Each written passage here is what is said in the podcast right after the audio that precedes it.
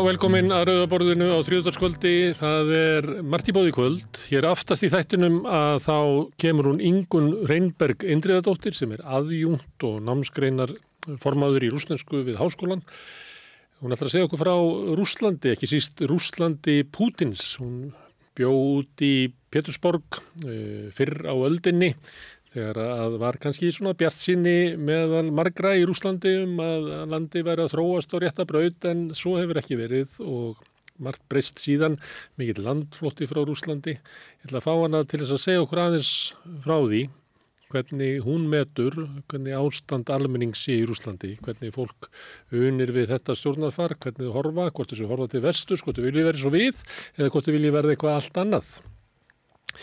Uh, Finnur Delsen er professor í heimsbyggi við háskólan, hann hefur verið að fjalla um skautun undafarið, það sem við erum ofta að tala um hér við Rauðaborðið, hvernig er komið fyrir samtalinu í uh, samfélaginu, hvers vegna við erum hægt að heyra hvort í öðru, uh, hvers vegna jáfnveil samtalið getur orðið til þess að fólk færist enn frekar í sundur. Finnur hefur verið að ræða þetta, ég ætla að fá hann hingað eftir til að ræða þetta ástand, um umræða um umræðuna eins og sagt er og sem að varpar vonandi einhverju ljósi á samfélagið og gefur kannski einhverju vonum hvaða leið við ættum að feta til þess að losna út úr þessu ástandi.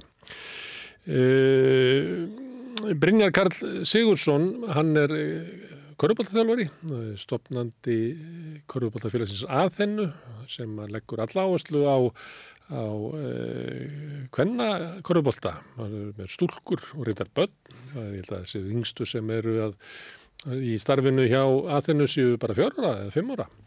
Hann ætlar að koma einu eftir. Uh, Aþenna uh, var stopnus í kjölfar hérna, átaka sem að voru í, í korfubóltadeildum bæði í, í Garðabæ og svo hjá Íjar upp, upp í, í Breiðolti.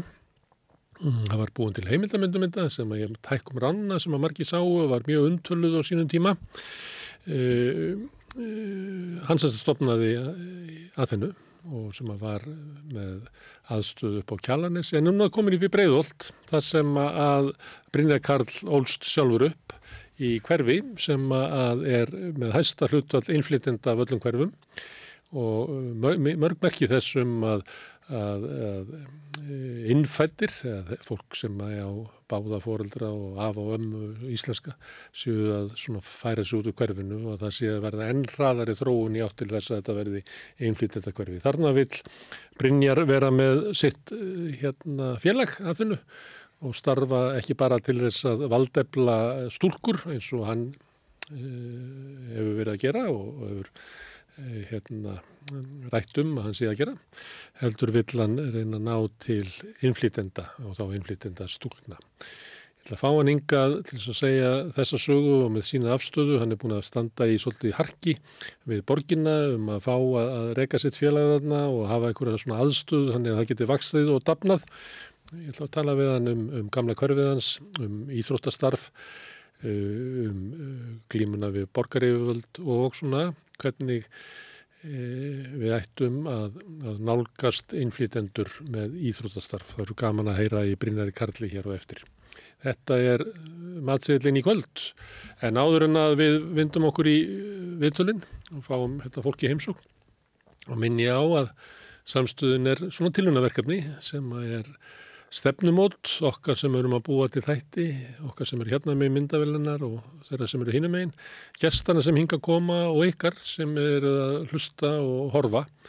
Og þeir getur verið virkir þáttangatur í því að byggja upp þetta stefnumót og þennan umræðu vettvang sem að rauðaborði hérna á samstöðin er með því að segja vinum á vandamennum frá okkur, benda á að við erum á Facebook og við erum á YouTube, við erum á öllum hlaðvarsveitum Við erum í útarpinu á FM 89,1 á höfuborgarsvæðinu. Það næst upp á, sendingarna nást upp á Snæfellsnes og langt upp í Borgafjörð, upp að Lillu kaffestúðinu út á Reykjanestá. Þið sem eru út af þessa svæðis geti náð út af sendingarnum á spilaranum. Hann er á netinu á spilari.is en spilarinn er líka app sem má hlaða niður á síman og þá getur lusta á samstöðun og allar íslenskar útastöður hvað sem er í heiminum. Og við erum komin í sjónvarpið til þeirra sem að fá sjónvarpið sitt frá símanum.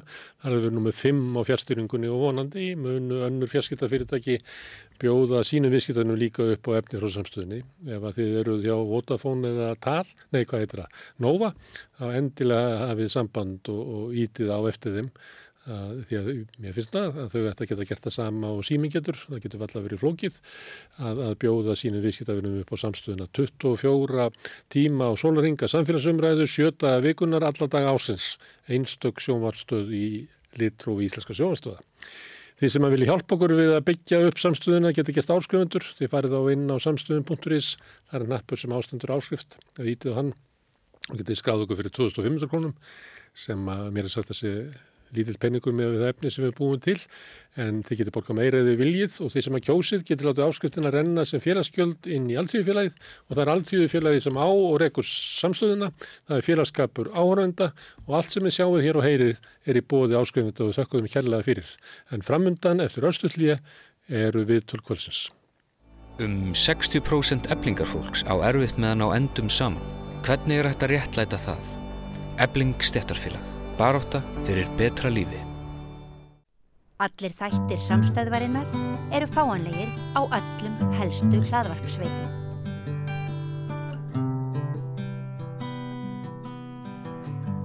Já, hefur þá komið að, hvað sé, íþróttum hér við Rauðaborðið.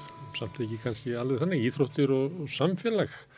Hann er hinga komin, hann Brynjar Karl Sigursson sem er korfubóltaþjálfari í hvenna korfubóltaliðinu aðinu, eða stúlna liðinu aðinu, hvað myndur þú segja?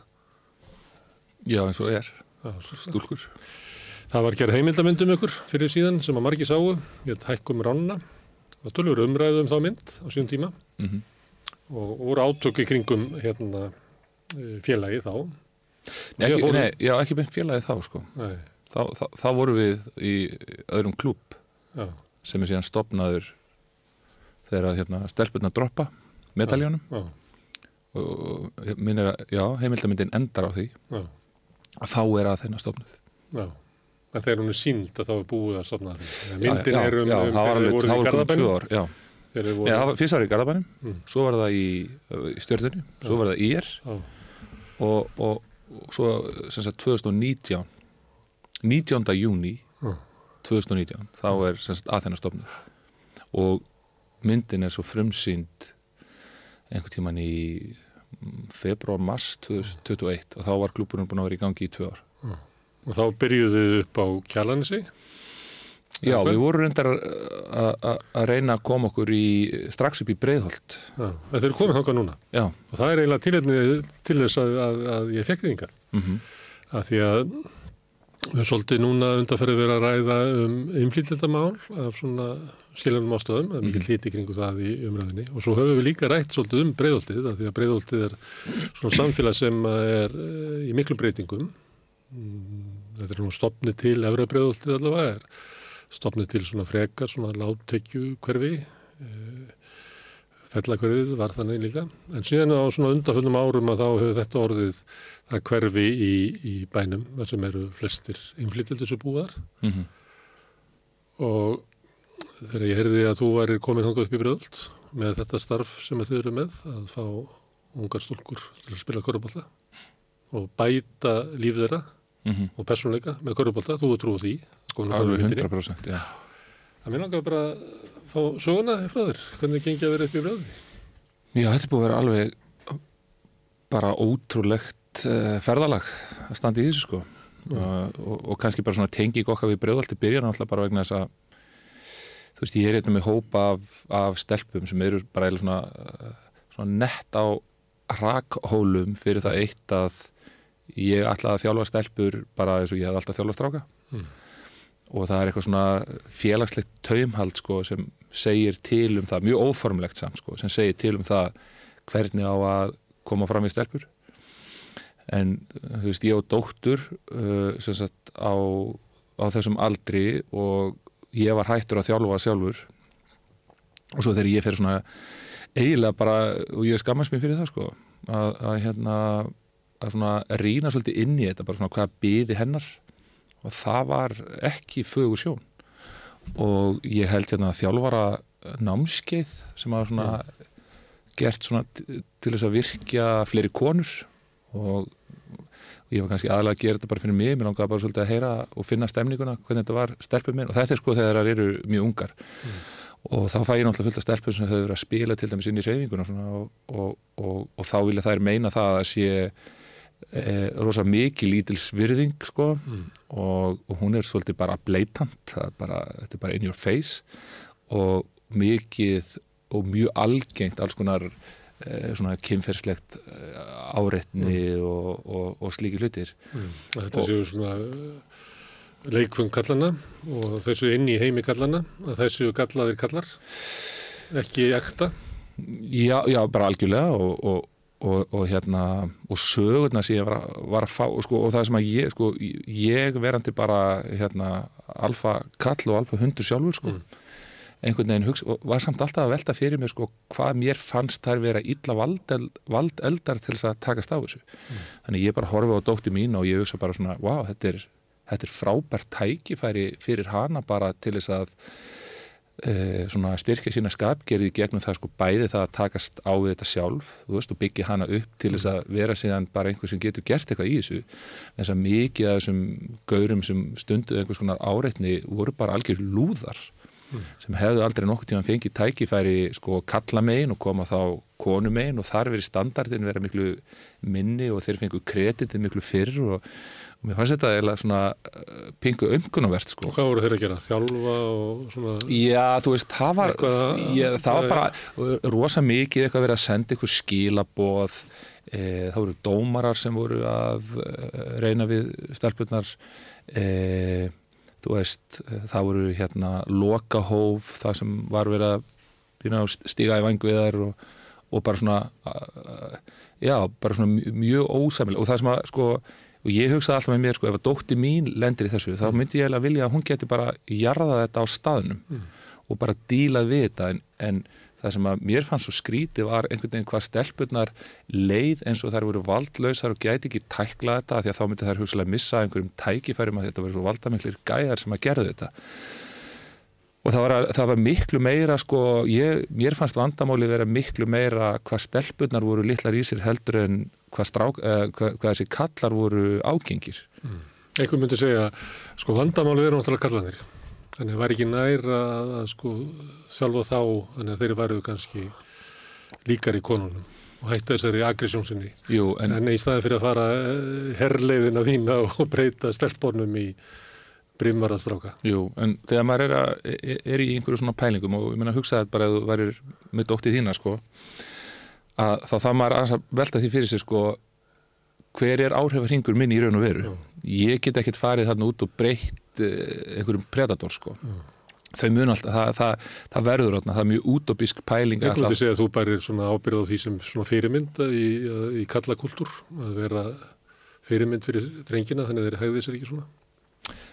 Ég get ekki tekið, eh, verið svarhafur fyrir sko einhverja þessa gauðra sem að stundu þetta, ég bara ég veit ekki Þú hvernig ég á að bara verja stelpunar Já, sko, allavega, meina, það þarf vera, það þarf að taka þetta frá bráðum punktum og þetta er bara góðu punktur hjá þér vegna þess að það sem við gerðum síðan uh, fyrir tveimur ánum síðan er það að við uh, tókum þrjú atriði, það sem að var fyrirvændi landsinsjálfari sem að uh, var með mjög gróft áreiti á einhverju undir áhrifum sko við tvo landslismenn sína og það vill hann til að ein af þeim konum sem þá var eh, sko 18 eða 19 ára gömul er þá orðin 31 árs gömul og allt í þenn á þessi þjálfari að vera að vinna fyrir sko sambandið aftur og svo voru fleiri atrið sem við tókum að ég og við stóðum fyrir því að, að gera vídeo þar sem að þetta var bara exposað, þetta var bara farið í gegnum þetta.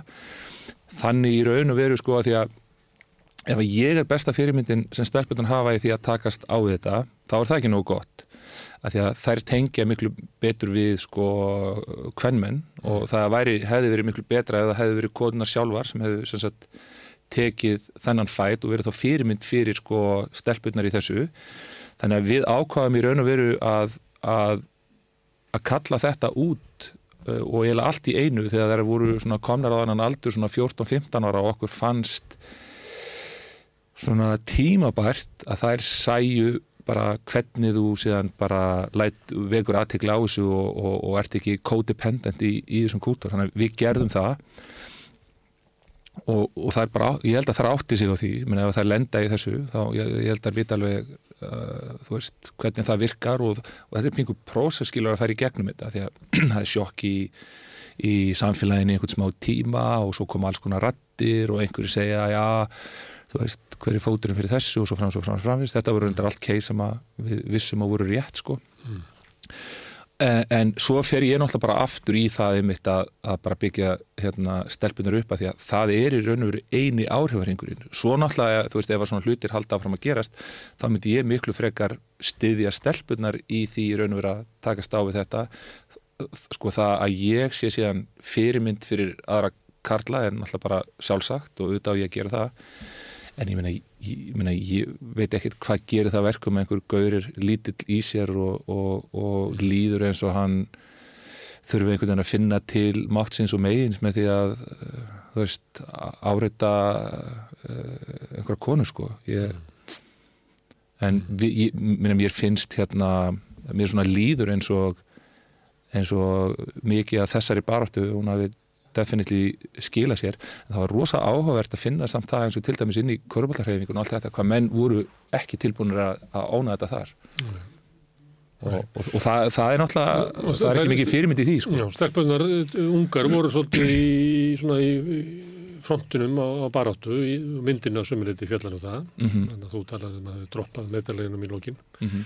hvernig hérna baráttarleikur fólk hýmsum hætti. Og þú bendir á að hún hættir ekkit endilega, það er ekki allt eins og í amerískum bíómyndum að þeirra bara baráttarni búin. Standardur upp og klappa í lóknum það er ekki það, það heldur áfram. En að þessi hópur sem stóði í þessu mm -hmm. í samtakamætti sinum mm -hmm. og mörguleiti áhugavert að fylgjast með þessu hérna, fyrir fólk sem eru áhuga baráttu þá hveti fólk til að horfa á þessa mynd. Hvernig farnaðist þeim síðan stöknum? Sko, það fyrir að koma tími til þess að gera þetta upp sko, ja. að að það sem náttúrulega gerist er það að þegar að þessi hópur droppar að þá verður algjörð svona 50-50 skil á þessu mm.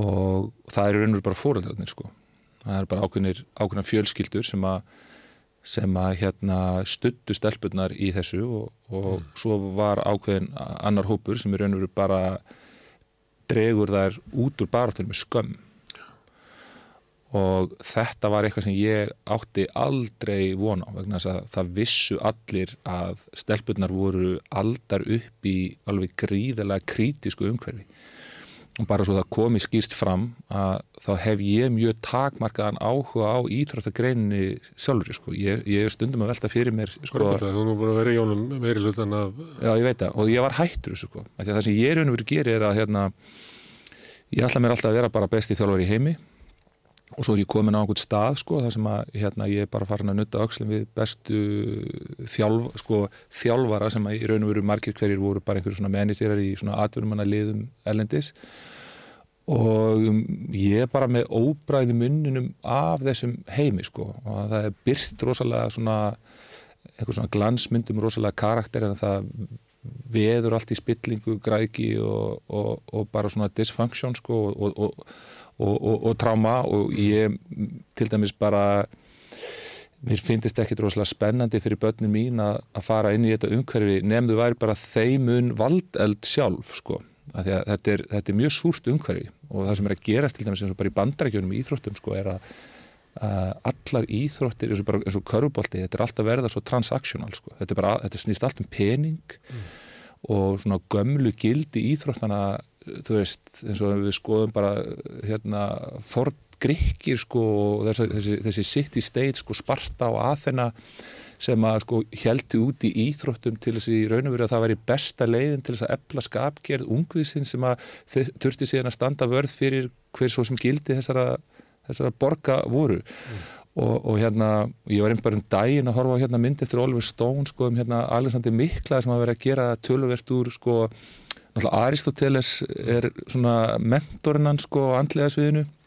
Og svo er hann með hérna glímuþjálfara sko og það er verið að gera svo mikið úr sko, þessu. Og ég einhvern veginn, það er langt séðan ég áttaði mig á því og ég hef verið að experimenta raunur með það, hvernig þú getur notað íþróttir til þess að ebla sko, sko karakter sem er þá í raun og veru bara þú veist, hu- huglægur styrkur mm. svona siðferðileg hérna, heimsbyggi og, og þe- þetta eru svona þessi þrjú pillar sem að mynda upp í skapgerðarþjálfun. Og það er rosa erfitt að kenna börnum til dæmis þessa hluti abstrakt, það verður að vera eitthvað svona viðfangsefni og fyrir það finnst mér íþróttir alveg stórkostlegar sko, þegar þú gerir þetta. Það er að segja að þegar þú getur notað e, þú setur rána hátt og þú segir hérna, já við ætlum að bæta okkur og það eru hérna kröfur en við ætlum að gera þetta á réttan hátt að þá held ég að þú sko, miða við það í dag að þú veist, börn eru ekki lengur að vinna hérna í sjáaplásum eins og þetta gerist allstar annar staðar og, og það er verið allstar verið að taka þau út úr einhverjum svona hlutum sko, sem eru kannski erfiðir og eitthvað. Að, að þá hugsa ég bara að býtu hvar við að byggja til dæmis bara upp mótlæta þól mm.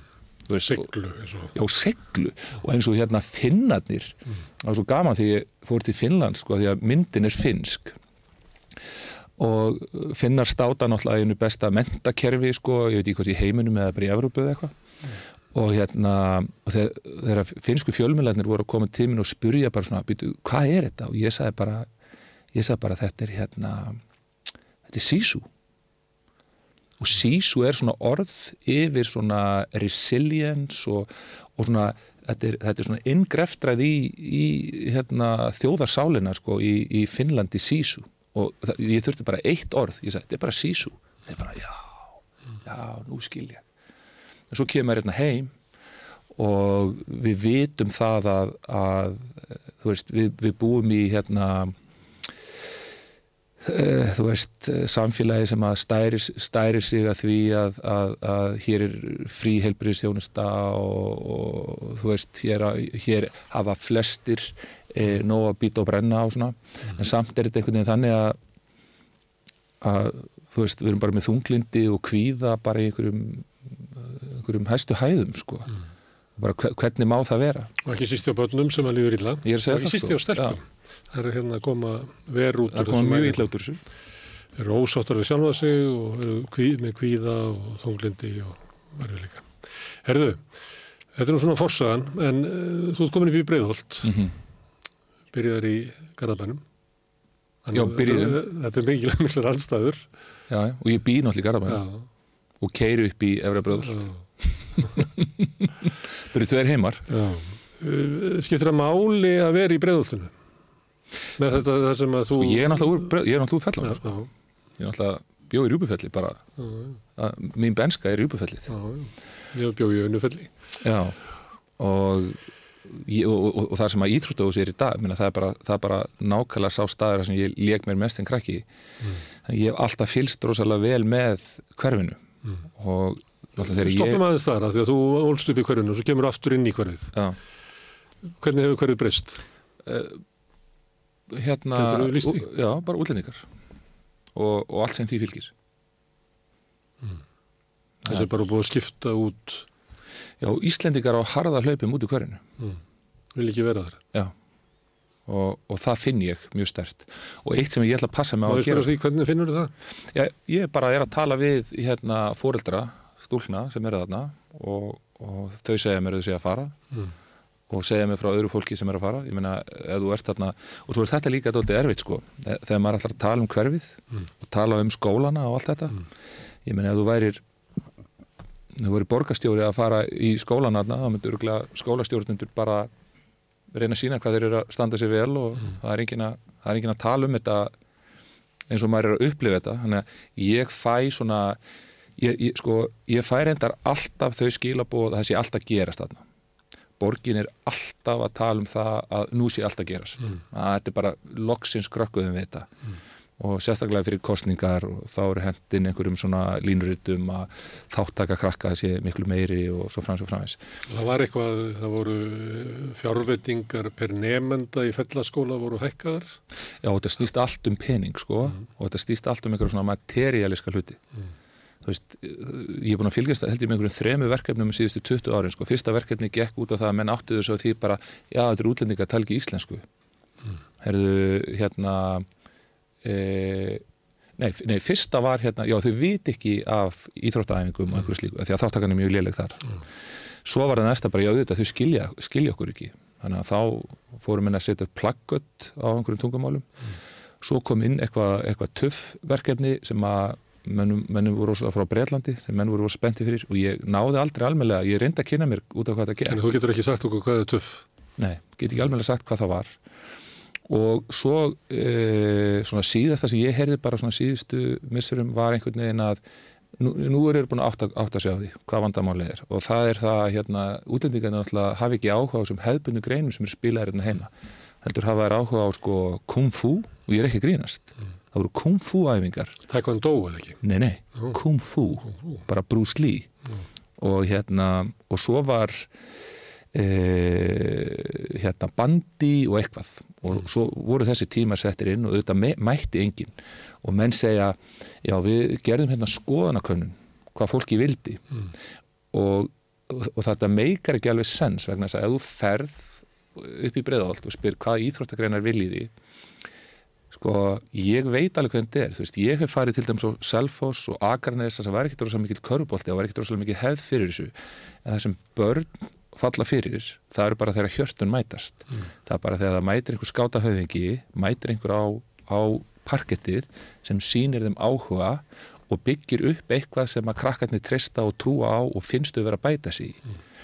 Og alltaf þegar að allt sem ég hef séð frá borginni gengur allt út á einhver kerfi og þetta gengur aldrei út á fólk og svo þegar við mætum þarna upp yfir, þú veist, sjálfbáðlega í bunkum, þetta er veru bara gameskips sem lendir hann upp í Östubergi að þá er sko staðista hindrunin í, sem, sem við stöndum frammi fyrir þegar við ætlum að láta þetta verkefni vaksa er borgin. Þetta er bara galið. Hvernig þá er það hindur? Já, sko, þetta er einhvern veginn bara þannig að hérna, við byrjum strax að ná árangur sko, sjálfur ef ég væri í stjórn fyrirtækis eða, eða borgarinnar að það þætti mér alltaf rosalega gott að vita það að hér lappar einhver inn með track record og þegar, minn, ef ég á að fjárfesta í fyrirtækinu þínu og þú segir bara, heyrðu, við erum byrjað að ná árangri hérna. Þá segir þú bara, já, flott, heyrðu það er bara, það er bara smá proof. Versus það að ég kom inn með einhverja svona skíaborgir og einhverja hugmyndir. Og glærisjó. Þannig að við erum byrjuð að ná árangri og, og ég er búin að vera að hlusta sagt á borgina, tala og lýsa, lýsa þessu vandamáli sagt inn á milli. Svo þegar við mætum hana það, og sko, og það pingu erfitt fyrir mig að tala um borgina, inn í borginni er alveg frábært fólk. En þessu er bara stilt í raun og veru þannig upp að svo þegar að þú ætlar að byrja að vekja aðtikla á einhverju, þá ertu með einingar sem tala engan veginn saman þú erum með eitthvað stjóra yfir fastegnunum við erum að reyna að koma okkur inn í kjallara sko, við erum með fundi fyrir sko krakkan okkar. Þetta myndi ekki líðast í Garðabænum. Þetta myndi ekki líðast í KR eða IR að það væri, ekkit, væri engin félagsstæðsta, bara sír og félagsstæðsta á meðan er sko kjallari sem er stendur opinn sem, eh, sem ekki til í gangi sem er búið að loka og við erum að reyna að fá svör til dæmis við því hvort við getum farið þarna niður og verið með heimanám mm. verið með einhverja félagsaðstöðu svona fyrsta entry fyrir krakka sem að þú veist, hafa kannski ekki áhuga á íþróttanum bara koma þeim aðna inn. Og við hendum þessu út og það bara þetta bara, þetta lendir hvergi. Og Ég fundi svo, svo að förum til í hverfamiðstöð Já. upp í Efrabróldi þá eru þeir til í þetta. En þeir, þeir get ekki talað við sá sem sér um fastegninnar og svo þegar við förum á tölvu ITR að þá fer bara rosalega mikið ég man ekki hvað það heitir þetta það er eitthvað búið að breyta nafninu á þessu þá fer bara rosalega eftir því við hvert við tölum. Það er, það er mjög gott fólk þar inni sem er, sem er tilbúið í alls konar hluti en það lendir þá bara á, í, á, á svipuðum veggjum og við. Þannig að þetta bara týnist í einhverju, einhverju bjúrokrasi og einhverju, svona, einhverju, einhverju stjórnsýslu. Og ef þú ert yfirmaður mannvirkja að þá, þá er ekkit þá ert þú bara að hugsa um steinsteppu. Og það er, það er bara svona þetta, þessi human þáttur er bara einhvern veginn skorinu burtu og, og, og hvernig á þetta ganga og sérstaklega þú ert með þetta olbóðabann uh, sem þetta hverfi er og ég meina, þú veist, við erum með einhverja skotklukkur hérna, nei, hérna eh, stigatöflur sem að voru bilaðar í eitt og hálft ár, hugsaði sko við erum náttúrulega líka að reyna að fá sko stelpur bara allstaðar annar stað frá því að þetta, þetta snýst ekki bara um efrabröðaldi þetta snýst líka bara um að auka virði hvenna í íþróttum. Þannig að þetta er í raun og veru opið fyrir alla og ef við ætlum að rekrúta einhvern inn í þetta hverfi sem nota bene er ótrúlega mikilvægt vegna þess að ég held að skipti rosa miklu máli fyrir krakkana í sko í fellunum að þau blandist við Íslendinga. Þannig að þetta verði ekki bara svona já þetta er bara eitthvað útlendingalið mm. þannig að þú er bara strax í aðarsettur bara að þú ert komin inn í íþróttir Líka mikilvægt fyrir Íslandíkan að, að vera í samfélagi með innflýtjöldum ef þau ætla að vera hæfi að, að lifa og starfa í líðræðslegu samfélagi í framtíðinni þá verður það hæfaði því. Emitt. og svo erum við bara komin á einhvern stað þar sem að, veist, sem að hérna, klukkurnar er að bila hjá okkur áttasinum í leik. Og við fyrir í borginu og segjum, heyrðu, þetta er bara svona lámars uh, já, bara svona lámars vinnu umhverfi mm. En á móti kemur sko að þegar við fáum einhvern inn til okkar, það er engin félagstæðastæða krakkarnir eru bara á ganginum við erum með klukkur sem eru, sem eru bilaðar uh, við erum að reyna að tryggja hérna uh, hvort við höldum tímum gangandi og eitthvað. Og það er bara og ég held ég vita alveg akkur þetta er sko, ég held ég vita alveg Já, þú veist, við erum bara einhvers konar eh, entity sem að hérna Þið þá aðþenna aðþenna og við erum búin að vera að berjast og láti okkur heyra og, og svona aðeins að taka, takast á við hérna authority. Mm. og, og menn fíla það ekkert. Þú ætlar ekki að vera aðlega einhverja nöður á brjóstið sem kallar allt út sem illa fer. Mm. En er ekki kerfið þannig að það eru íþróttafélög upp í brjóðaldi? Jú, Ír? Er upp í brjóðaldi Svo er leiknir er bara í fókbalta? Leiknir í fókbalta. Bara strákar? Já, þetta er, þetta er rosa mikið strákar og hérna, en sko í er, er e, sko var hverfafélag. Já. Þannig að í er ætti að vera að gera það sem þið eru að gera. Já, þetta þið eru bara að tróða ykkur inn á svæði í er. Já, þetta gerist á þeirra vakt mm. í raun og veru. Og ég sá tölur, og ég ætla ekki að fara með það hér, en, en sko tölurnar eru einfallega þannig að þetta, það er bara brot af krökkum í þessum parkettgreinum sem koma úr þessu postnúmeri 111 en svo voru þeir með þetta íþróttahús þannig að það voru krakkar að koma úr öðrum hverfum til þess að nýta sér húsið í hverfunu þar sem engi krakkar voru að, voru að æfa. Hver voru krakkarnir í úr bregðaldur? E, það er nefnilega málið og, og, það, og ég skil það að mörgu leiti e, þar að segja ef þú hefur ekki dug í það þú þart sko tíu sunni meira effort til þess að ná í krakka upp í 111 heldur en nokkur staðar annar staðar mm. og svo er þetta líka það, ég, meina, ég hef verið að fá tími eh, hérna e, stelpur sem hafa stöðu sem sagt hælisleitanda og, og, og, og hérna og þú veist, pælti þessu. Ég, ég fæ inn hérna krakka. Mm. e, sjónskerstur og það er ekki að pæli því. Það er alltaf erfitt að spila körubólta og vera alltaf að fá bóltan í nefið. Mm. og hérna og eftir nokkra blóna sér þá fyrir við að tjekka á því. Þannig að nú er krakkin allt í hennu komið til sjónlagnis eða auglæksis það eru vant að gleru og bara málið að fá 60.000 króna ódýrustu íþróttaglerjunum fyrir þann krakka. Og svo hafa kannski fóraldarnir sko nóg að gera. Og þú ert einhvern veginn að reyna að útskýra fyrir þessu fólki sko já, við, við að, þessi krakki þarf síðan að fara í mót. Þannig að sko þessi félagslega fátakt það get ekki tekið þátt í þú veist einhverjum Facebook-hóp og haldi sér upplýstum og, og allar þar ástæður sem við höfum fyrir því að ég meina þú veist, ég hef heyrt að fólk kemur frá ákveðum þjóðum þar sem að mafjan stýrir íþrótta hérna, íþróttarhefingunni og, og, það er bara vantröst svona from, from the beginning sko. Mm. uh, að önnur þjóðabrót eru bara með einhvers svona gildismat sem er þannig bara eldstu krakkarnir þeir eru bara að vera heima að passa meðan að sko fóröldrarnir eru í þriðjuvinninni mm og svo er náttúrulega bara einhver þróabrót sem hugsa bara að byrju stelpur í einhverju svona íþróttagrein það sem er verið að hérna, auka virðið þeirra og þá að keira þar upp eitthvað e, er bara ekki það sem við erum að sækjast eftir. Og þá fyrir maður að spyrja sig e, þú veist fyrir hvernig er maður að gera þetta. Og þetta er sem ég var að segja að nei upphafi. Það getur verið alltaf erfitt að fá einhver svona þjóðabrót eða einhverja hópa inn og þú segir við hérna hvað vil ég þig gera veist, þau vita stundum ekki hvað er best fyrir þau í þessu umhverfi og vita þetta, er bóði vita bara ekki hvað er í bóði og vita heldur ekki hver ávinningurinn af þessu mm. uh, og þannig að þetta verður allt aldrei flókið en sko það sem við þurfum í raun og veru bara upp í Európróaldi, við þurfum bara fjármagn og hluti til þess að hafa fólk sem getur til dæmis verið að halda utanum þessa hópa.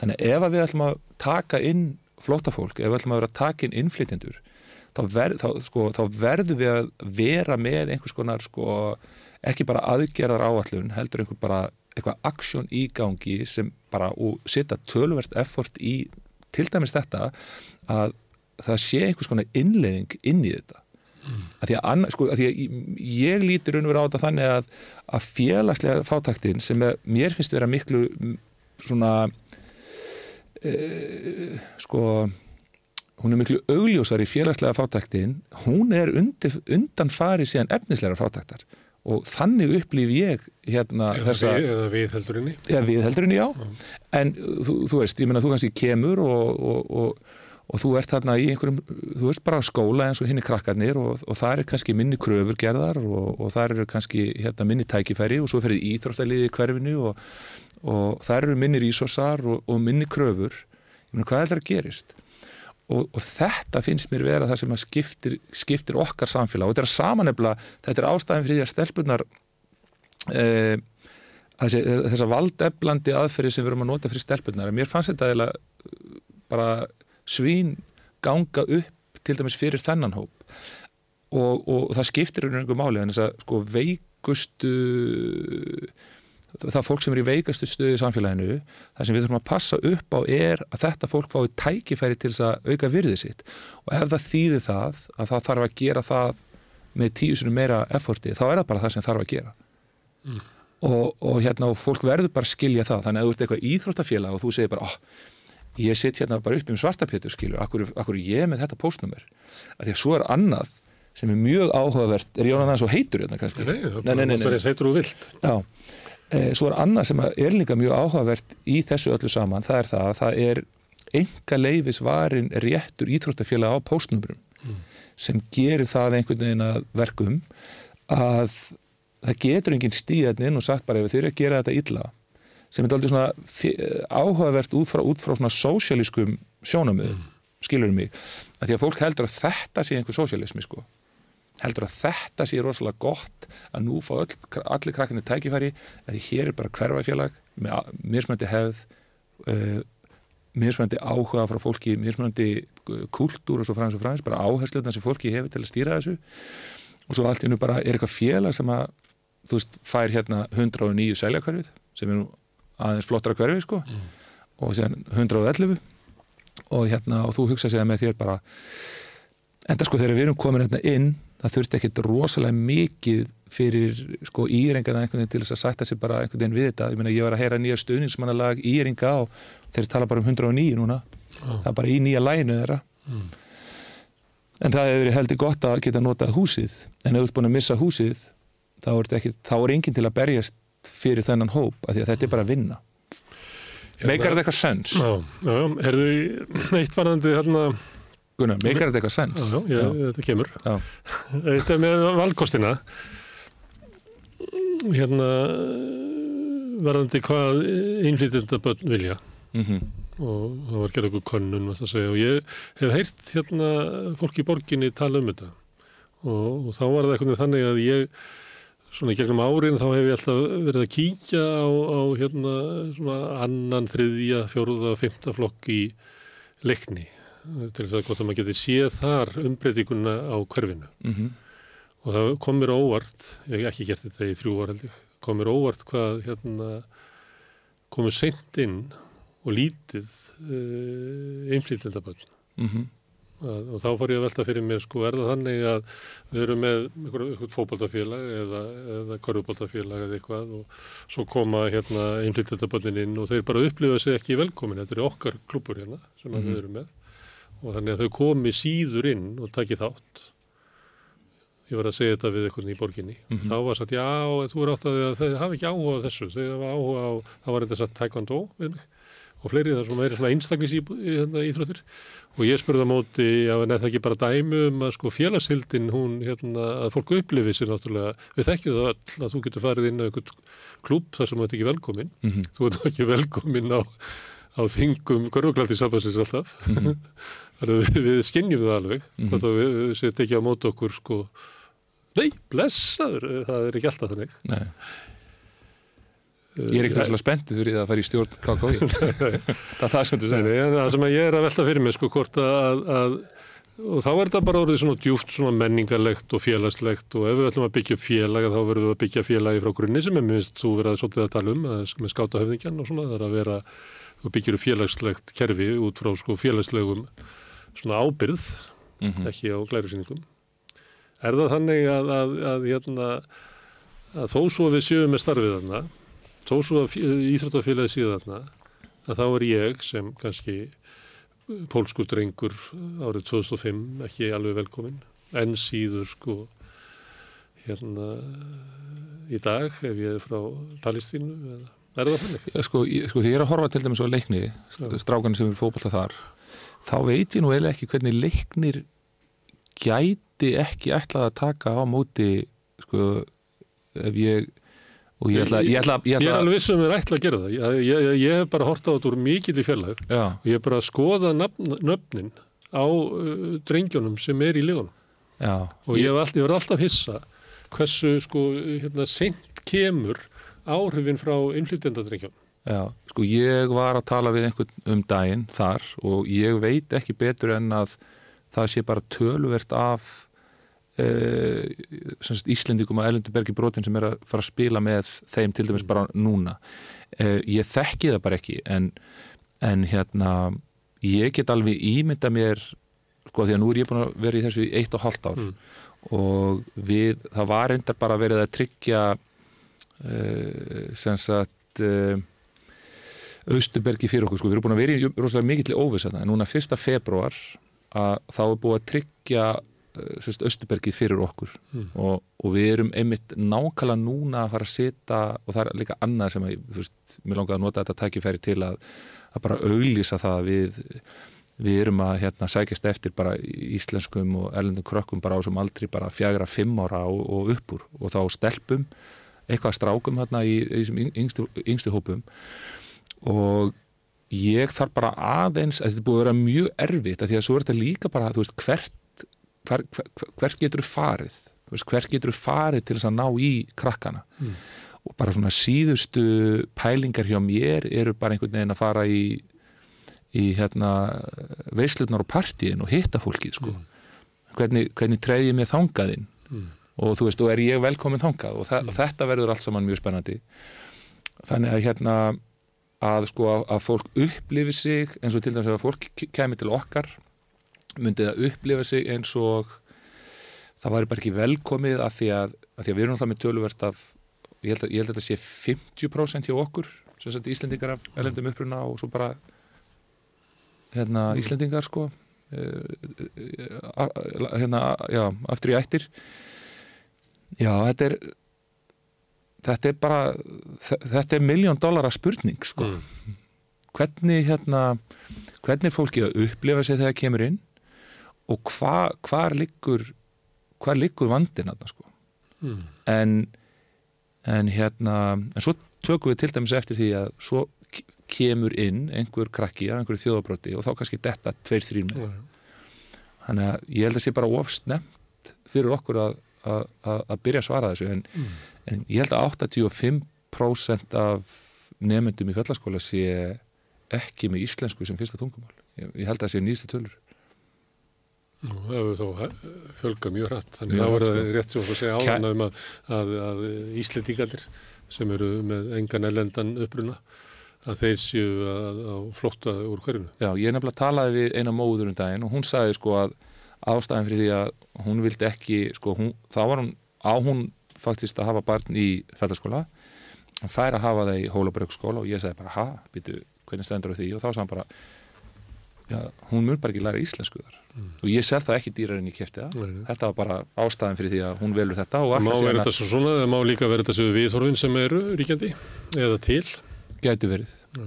Og það, þau eru líka raunveruleg. Já, en Fólk ég tekur heyri ákvarðanir út frá slíkum, slíku, það fólk tekur ekki alltaf ákvarðanir út frá einhverju rannsókn á hvernig staðan er. Nei, en ég meina, ég, svo er þetta til dæmis þannig hjá mér að ég, ég get ekki talað bara íslensku á æfingum Mm.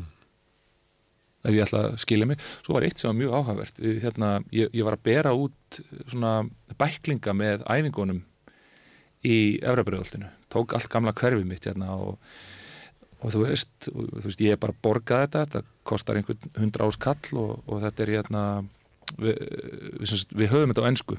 Og þá bara ekki pláss fyrir meira. Og svo dreifum við þessu út um allt og, og mestu viðbröðin sem ég fekk voru, voru miðaldra konur. Það voru fimm konur og ég held ég að væri allar systur. Mm. eða það er þekktust allar því það ringdu í mig á viku tíðanbili og voru að bölsótast út í það að við værum íþróttafélagi í hverfinu sem værum að senda inn sagt, þessa blöðunga á ensku. Mm. og hérna og ég eh, en það það sem það áttu allar sammeilið það tókuðu reyndar allar rökum sko.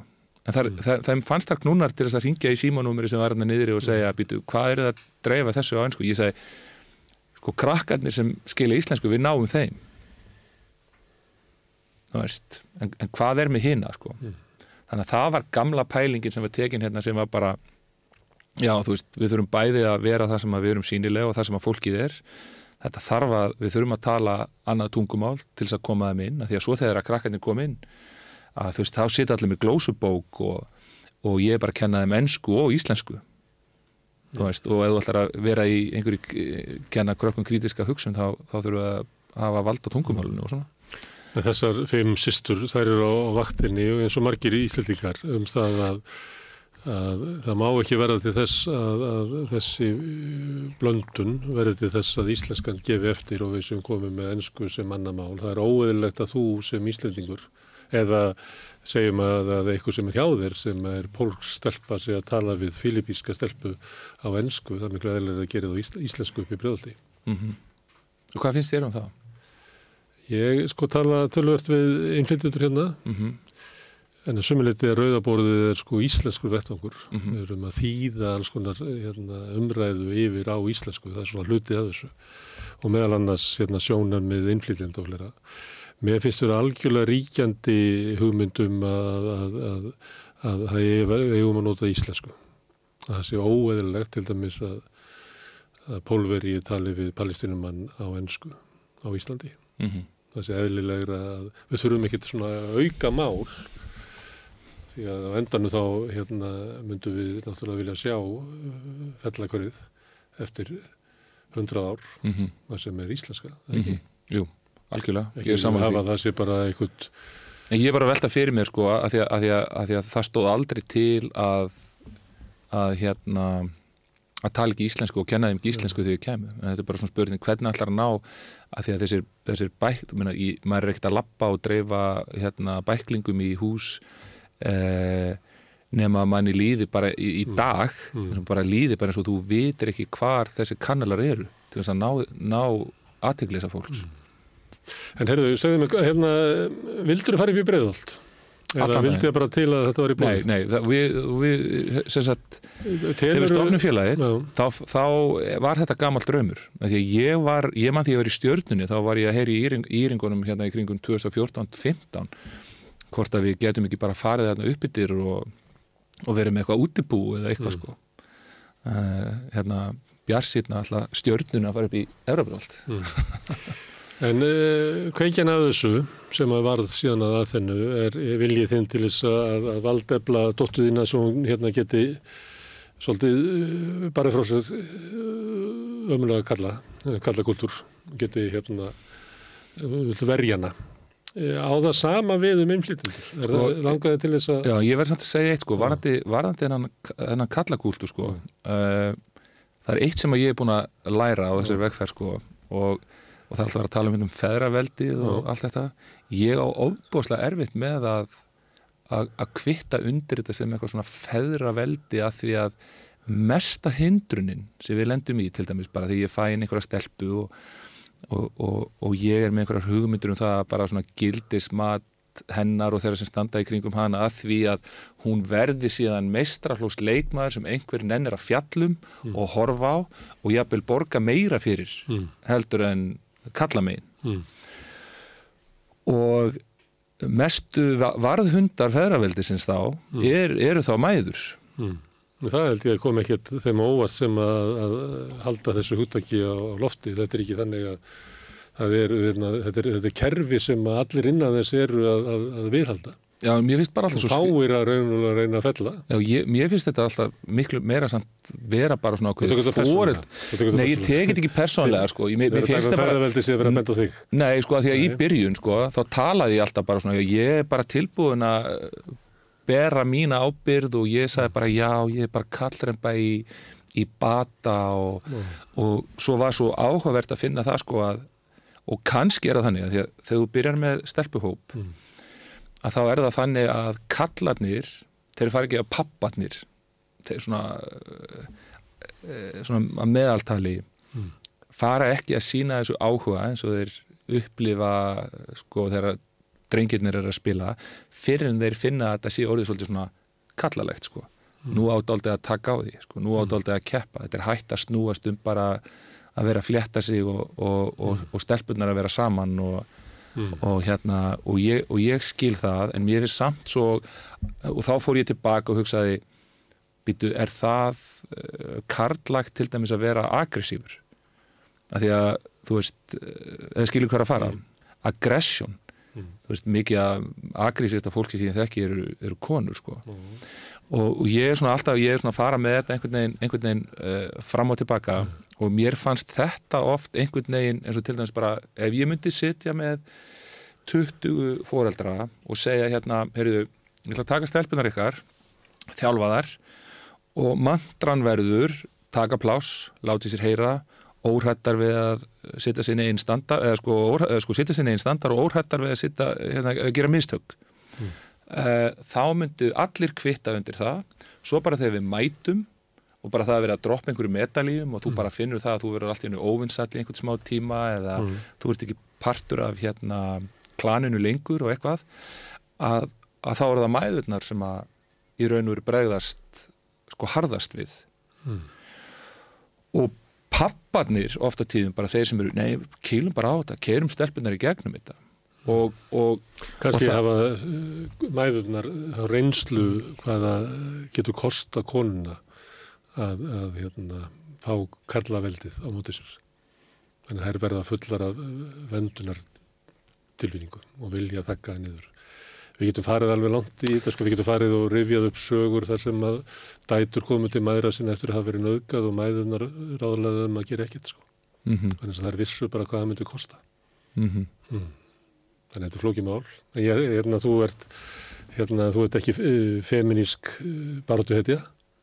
Þó svo Ég held það nefnilega, ég, ég er rosalega feministi sko, Já. ef að, ef að feministi gengur út á það að auka virði kvenna og uh, virði, virði og, og hérna virðingu. Ég, ég get ekki gefa þeim kost á að hega þá baróttu sjálfar. Líka. bara 100% sko. En það sem ég var að spurja um, að því að sko, rótin að þessu var eins og þú varst að lýsa um, hérna, um dóttiðina Mm og þú þekkir hennan heim sem er svolítið anstekilur. Á það sama við um innflytjendur. Þurfa þau sömu valdeflinguna og konur til þess að svona, hvað við segja, bara lifa af.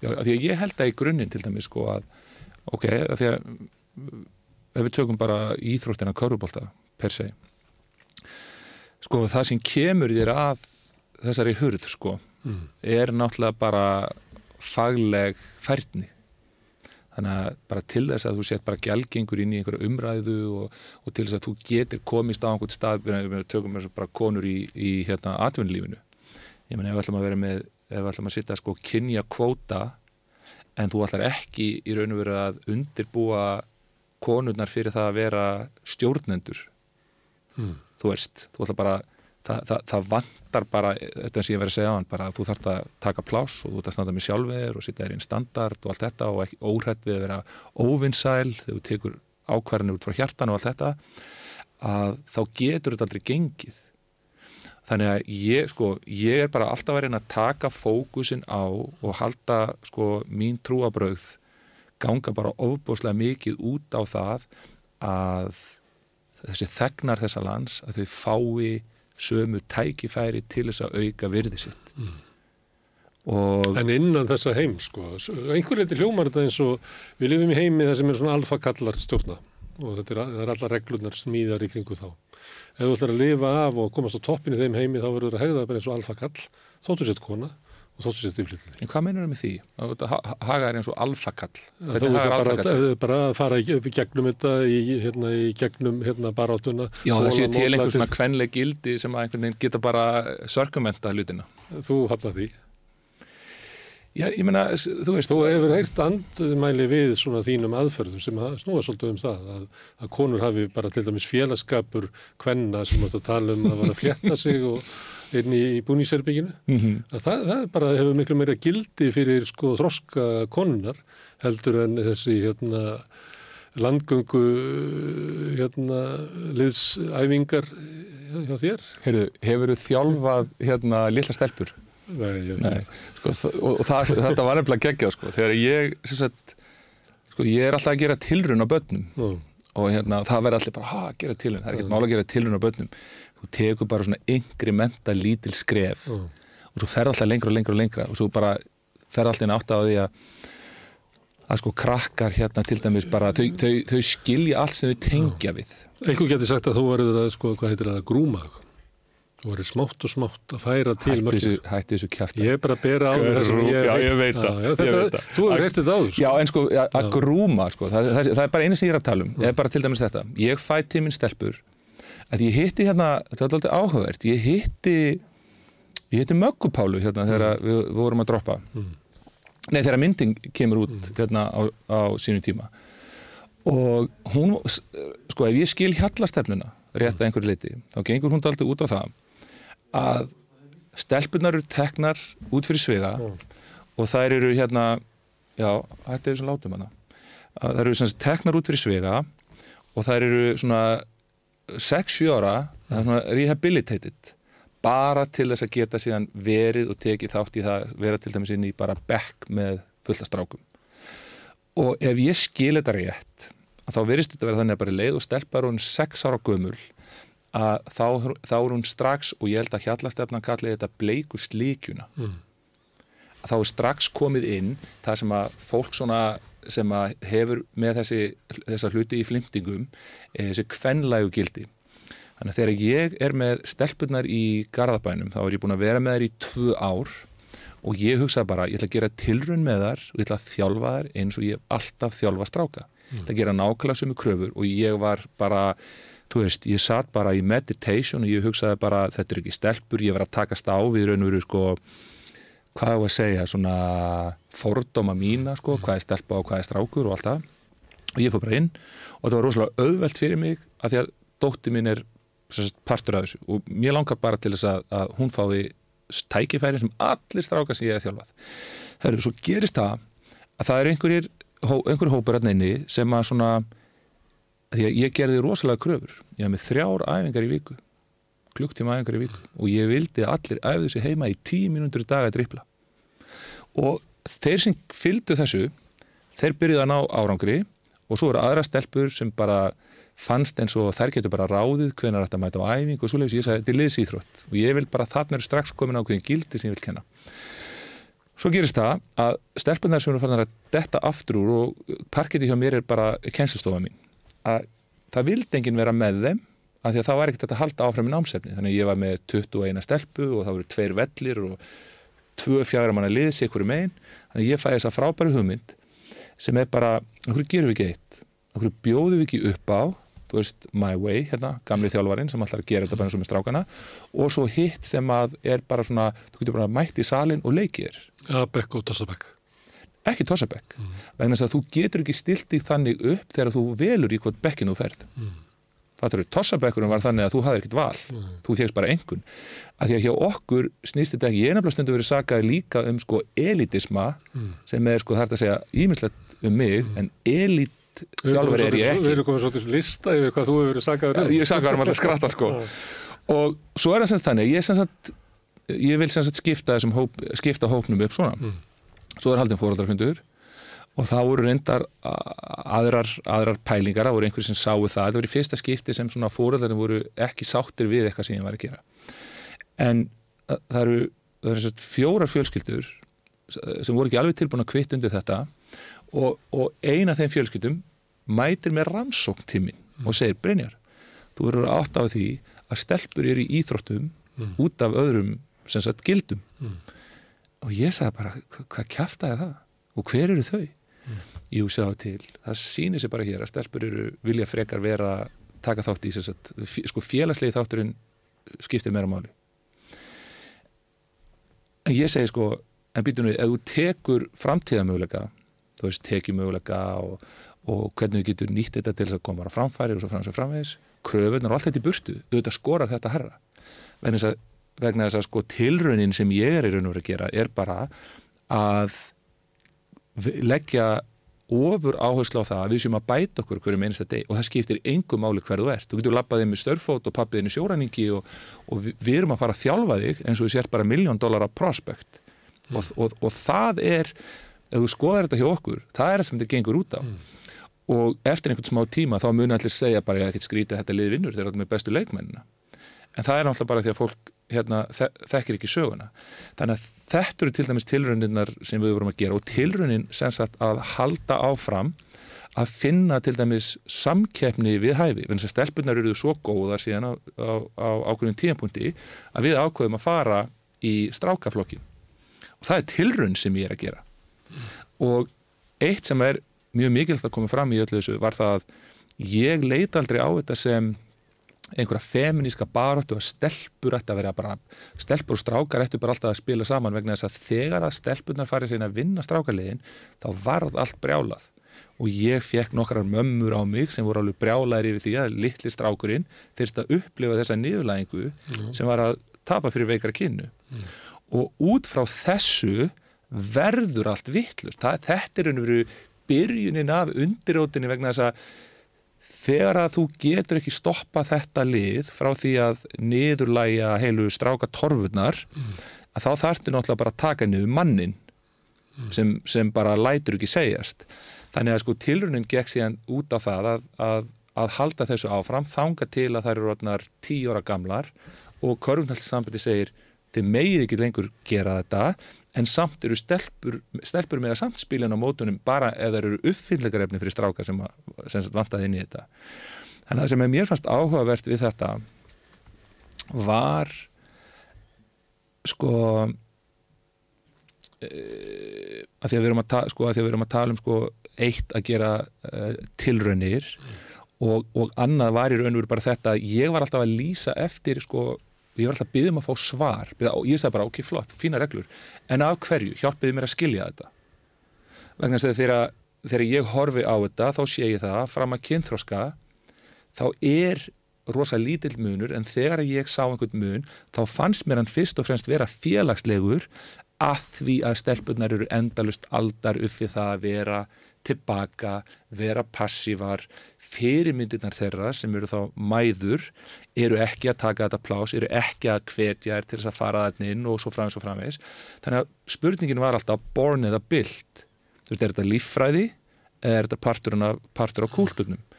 Og þarna lágu í raun og veru þessar, þessar tilraunir mína því að eitt til dæmis sem ég gerði fyrsta skipti og, það, og þetta, er, þetta, er, þetta er aðeins tekið fyrir í myndinni. Þú sást myndina á það, já að það er rosalega mikið talað um svona passive aggressiveness og drama í stelpuklúpum og ég held ég geti bara fullir það hérna þó ég ætla að passa mig á því að vera ekki að alhæfa með einhverja svona hluti að það eru allir sem hafa þjálfa stelpur og strákar sem þú segja bara þetta er bara, þetta er bara allt annar kúltúr. Ég hugsaði mér, hvernig getur við minka þetta passive aggressiveness og hverjir eru að fara að mæla það og ég er bara að segja það eru bara mæðurnar og aðri sem kom í heimsókn að sjá þetta. Vissu hvað líkillin var í því?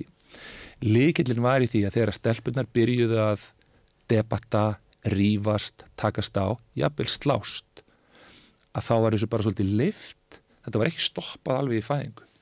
Og þetta var bara svolítið lift og það var meira bara svona já að því það eru svo miklar upplýsingar í aggressioninu Þannig að í staðin fyrir að drepa þetta bara alveg í fæðingu, leifa þess aðeins að koma upp og reyna síðan að rýna í þetta, fara síðan út og processa þetta aðeins. Og hópurinn var orðin alveg ótrúlega þjættur og sterkur og það er einhver sem myndi segja bara, já, þetta er bara Brynjar bæjast með sjálfins og allt þetta, en þetta er ég búin að gera tilhörnin með aftur og aftur og aftur og aftur. Ég myndi aldrei nokkuð tíman vera með eitthvað strákalið þar sem að strákar myndi bara þú veist, útúða hvort öðrum og slást og eitthvað og, og, og ég myndi ekki stoppa það alveg í fæðingu, en ég þarf ekki að hafa áhyggjur af því að ég bara taki hérna uh, hvað maður að segja uh, svona frumkvæði til þess að láta sér heyra og svona og þetta og, Er koma með það heimann. Já, og svo þegar maður fyrir að velta þessu fyrir sér og ég segi sko, ég er búin að vera að byggja hérna, ég fengi rosalega gaggríni til dæmis úr Háskólanum Reykjavík og ég er búin að vera að lýsa til dæmis eftir því bara að fá að mæta hann uppbyttir og, og, og, og, ræða þessa hluti við akademíuna sem að nóta beni eru bara varðhundar einhvern veginn fyrir laugadalinn að því að sko þú býtur ekki höndina sem að, að fóðra þig sko mm. að það er náttúrulega fólk sem hefur bara alls konar haga því að vinna fyrir, fyrir þessi sérsambönd og allt þetta Samböndin. þannig að það verður engin alvöru það verður ekki debatt og menn, ég menna það er félagsfæraði profesorarna uppfrá sem sagði sko ef ég þurft að kynna mér öll málinn þá get ég aldrei tjáð mig á samfélagsmiðlum og maður bara býtu, er það ekki þess vegna sem þú ert í einhvers konar ekki akademísku umhverfi lentur ekki Adi, Adi við, Viðar Haldursson? víðir Vi, Viðar Haldursson? Eh, sko, hann, er vilja, hann er alltaf, verið, hann er alltaf einhverjum skotgröfum Mm. hann vill aldrei, aldrei mæta mig hvernig væri það að við myndum taka hérna, þú myndir bjóðum í heimsókn eh, við hann fá hann í heimsókn og, og leða okkur að battle it out sko. Hann myndi ekki þóra sko Myndar ekki þóra? hann myndi ekki Það þóra er fyrir henni að egnónu núna. Já, ég er að já. Herðu, spurningin var, uh, einhver leiti byrjar þetta á því að þú ert að verja hérna dóttir þína fyrir hérna hostæl heimi. Karlaveldin, það, þeirra veldin Já. Á það sama við um innflytjenda. Er það ástæðan fyrir því að þú vilt vera upp í breyðaldi? Að þú telur að, að innflytjendur þurfi á, á, á sömu svona uppbyggingunni að, að halda, svona sjálfstyrkingunni, að taka pláss, láta í sér heyra, setja sér markmið, komast ánga. sko, ég held að allir þurfa á þess að halda sko, þegar öllur er botni kvöld ég held að, ég held að hérna e, ástæðan fyrir þetta fer bara rosalega vel saman er vegna þess að þeir sem er að taka þátt í þessu verkefni gera sér grein fyrir því að þetta, þetta verður rosalega vinna og að því að við erum til í þetta þá er bara mjög gott að slá tvær flugur í einu höggi og ég held að þetta sé, ég held að þetta sé sko frábært tækifæri ef, að, ef við fáum okkur vantar smá stuðning Mm. Frá borginni. Ég bara samtal og þið bara koma veit að kallar hann til þess að geta haft félagsstjónustu Já. og eftir krokkunum að koma og læra það heima og með þeirra að býða æfingi byrjar. breyta, þetta, þetta, þetta væri sko þetta væri hérna uh, já, þetta, þetta myndi skipta öllu sko. Mm. og bara, og bara menn hérna sko, að að þú ert að reyna að fá svör og þú fær ekki svör. Þetta er alltaf sama sagan. Þetta er alltaf bara það að vera að þæfa og ignora. Og ég skil þetta ekki hvernig þú getur verið í, í einhverju svona ofinbyrju jobbi og ætlaði ekki að tala við hérna þagnana sko Nei. Stundum finnst manni og ég held að allir sem að búi í borginni upplifa að, veist, að, að það sé eitthvað vandamál með sorpu og það er vandamál með stræt og það er vandamál með göttusópun og allt þetta. Og svona, ég held að sé bara ríkjandi tilfinningum að sko að sé eitthvað svona fjarnlegð að, hérna, að, að borgin sé ekki þjónustu fyrirtæki, ný viðtekinn borgarstjóri talar eiginlega svona Einmitt. að verkefni borgarinnar sé að bara veita meiri þjónustu vera nær fólki hvað fólki vill og eitthvað svona og þannig að það er bara að svara gaggrinni sem er í þessu. Þegar þú ert að lýsa þessu að þá hljómar þetta svona að, að við þurfum að ebla félagsheldina upp í breyðolti og þá sé ekki leiðin að tala við þig eða aðra og reyna að búa til og rækta það sem að reynið allt og haldið því sem gott er eins og sagt er heldur hætti til þeim sem að taka ákvarðunum að fara kannski til Newcastle og á okkur ráðstöfnu um hvernig það er og, og flytja inn eitthvað, eitthvað töft eða hvað það hétt Já, eitthvað slíkt. Við, við sjáum þetta þegar það var verið að skipleikja borgarlínu, það var aldrei strætófar þegar voru aldrei spurður að einu en einu. Heldur var alltaf verið að bara fara að skoða hvernig þetta er eitthvað annar staðar og, og þannig að sumuleiti er þá eins og, eins og ákvæmum sem teknar okkur svona lægi sem er eiginlega bara svona lost in space sko. Er það svona, Já, af því að ég veit, ég veit hverki, sko, ég, ég man til dæmis eftir því núna í síðustu hérna borgarstænarkostningum mm, að ég, ég, ég eldi dag á röndum, sko. Mm, og ég er að, ég, þetta er til dæmis þannig að hérna þegar hann fyrir upp í breiðholt að, já, Björn Hinsson, já, og eitthvað svona mæta, mæta einhvern svona borgarafundi eða eitthvað svoleiðis eða eða einhver samtali við íþróttafélögin. Og við vorum náttúrulega með hérna þá starfsemi út á Kjalnesi að þá var okkur aldrei bóðið sko. Og við vorum náttúrulega í samflóti með leikni og vorum í samflóti við hérna UMFK þannig að við raun og veru bara mætum ég bara mæta á staðin og ég segi bara "Heyrðu, ég á að vera hérna á þessum fundi. Og þá er það bara eitthvað svona, já, ok. Og svo er ekkert samtal sko. ég hitt hann nýr á tjörn fyrir einhverjum árum síðan gegnum hérna, hérna Hrabbi Jökuls. Og hann kom þeim fundi einhvern veginn á og ég bara aldrei, ég er búin að hitta manni þrjusasinum og hann er hættu núna. En ég hef aldrei átt samtal. Bara situr og hlustar og það glósað eitthvað og svo bara ég ætla að hafa samband og svo er ekki að hafa samband og, og er bara eitthvað svona já, já, já. Og maður bara líður eins og maður sé að tala við einhvern robot með lénan mæk. Mm. að því að svörun sem maður fær tilbaka eru í engu uh, engri tengingu við það sem maður er búin að vera að segja og, og, og þetta er máli sko, pólitíkin er að passa sér svo rosalega á því að bara ger ekki neitt, að því að þú ger ekki neitt þá heldur þú ger ekki neitt mistök heldur. Mm. Og þetta, uh, þín tilfinningar, þetta á ekki bara um borgina? Þetta er svona einhver vandi í samfélaginu okkar? Klá, klárlega Já. þæfa og ignorance sko, bara afskiptaleysi. En er þetta líka það að, að hérna svona einhver svona virðingaleysi þeirra að setja ákvörðun fyrir svona starfi sem þú ert að gera og sjálfbóðlega sem eru kringu því og, og alls konar fólk sem er að gera eitthvað að, og kannski vantrú á því að samfélagi sprettir út úr því sem að kemur út úr samfélaginu Seta þurr Að samfélagi spretti og vaksi Já. innanfrá Já. út úr því sem er í gangi þar Þannig að kannski þeir sem er að taka ákvarðanir, ekki um það sem er fjárhundegavaldið, þetta er náttúrulega fyrst og fremst að íta undir það sem er til í svona í anda þess að láta þúsund blóm blómstra og, og reyna allt og halda því sem gott er í staðin fyrir að vera alltaf að koma með einhverjum svona lausn. Þetta, þetta kom svolítið stert fram, við vorum með mikla umræði hérna um skólakerfið eftir písakununa mm -hmm. og það kom svo stert að þeir sem að starfa inn í skólakerfinu að þeir voru eiginlega að segja og ég held að OECD hefði mér að tekja undir að í Guðsbænum ekki koma með nýju stóru stefnuna. Haldið ykkur bara við ykkur eina stefnu og reyna að ræktana og reyna að gera eitthvað. Mm -hmm. Þú veist, í staðin fyrir að halda lausnin sé alltaf svo að breyta sko kursnum, kursinum eitthvað staðar langt, langt fyrir ofan sem er kannski engu samingi við sko starfið sem á þessi staðin er í. Mm -hmm. Þannig að þetta bara orðin svona ríkjandi tilfinning í sko, samfélaginu okkar. Mm -hmm.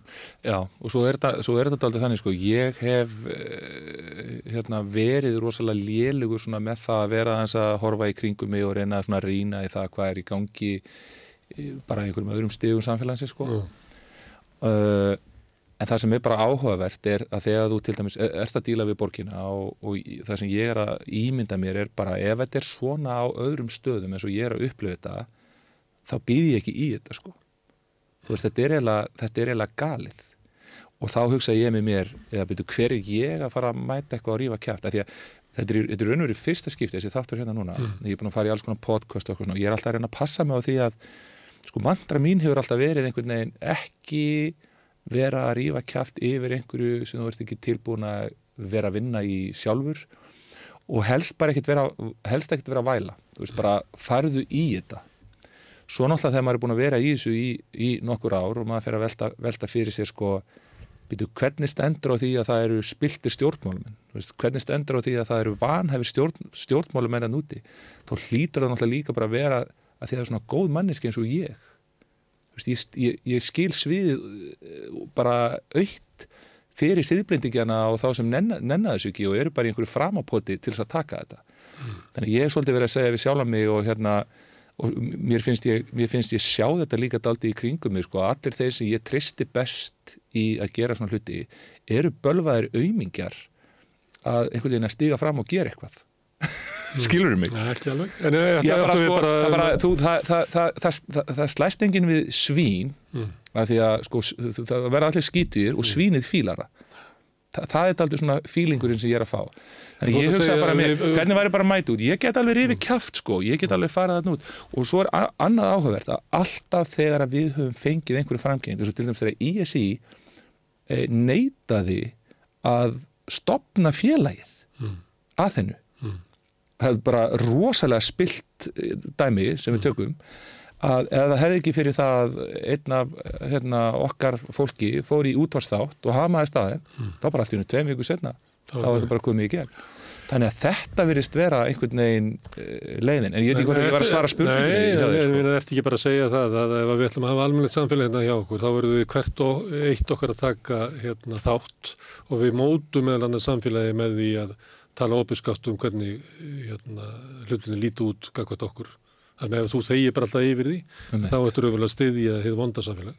Ég áttaði mig líka bara á því fyrir ekkert svo löngu síðan, sko, að, að líðræði, ég, sko, ég hef aldrei pælt í því sko að líðræði á ekki að vera stjórnafar prúðmennsku sko. Og það var einhver sem kendi mér það og ég veist það bara það meika svolítið senn sko að því að, að, að prúðmennska er náttúrulega bara fer svolítið eftir því hverjir eru við stjórnvölinn sko, þú veist, þeir draga línutnar þú veist, lí, hver drá línuna og hvað, hvaða hérna hvaða hag þjónar þessi lína sko. Þú veist, hvenar ferðu yfir strikið?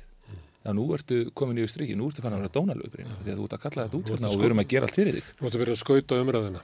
Já, Þannig að ekki viljum við það. Herðu,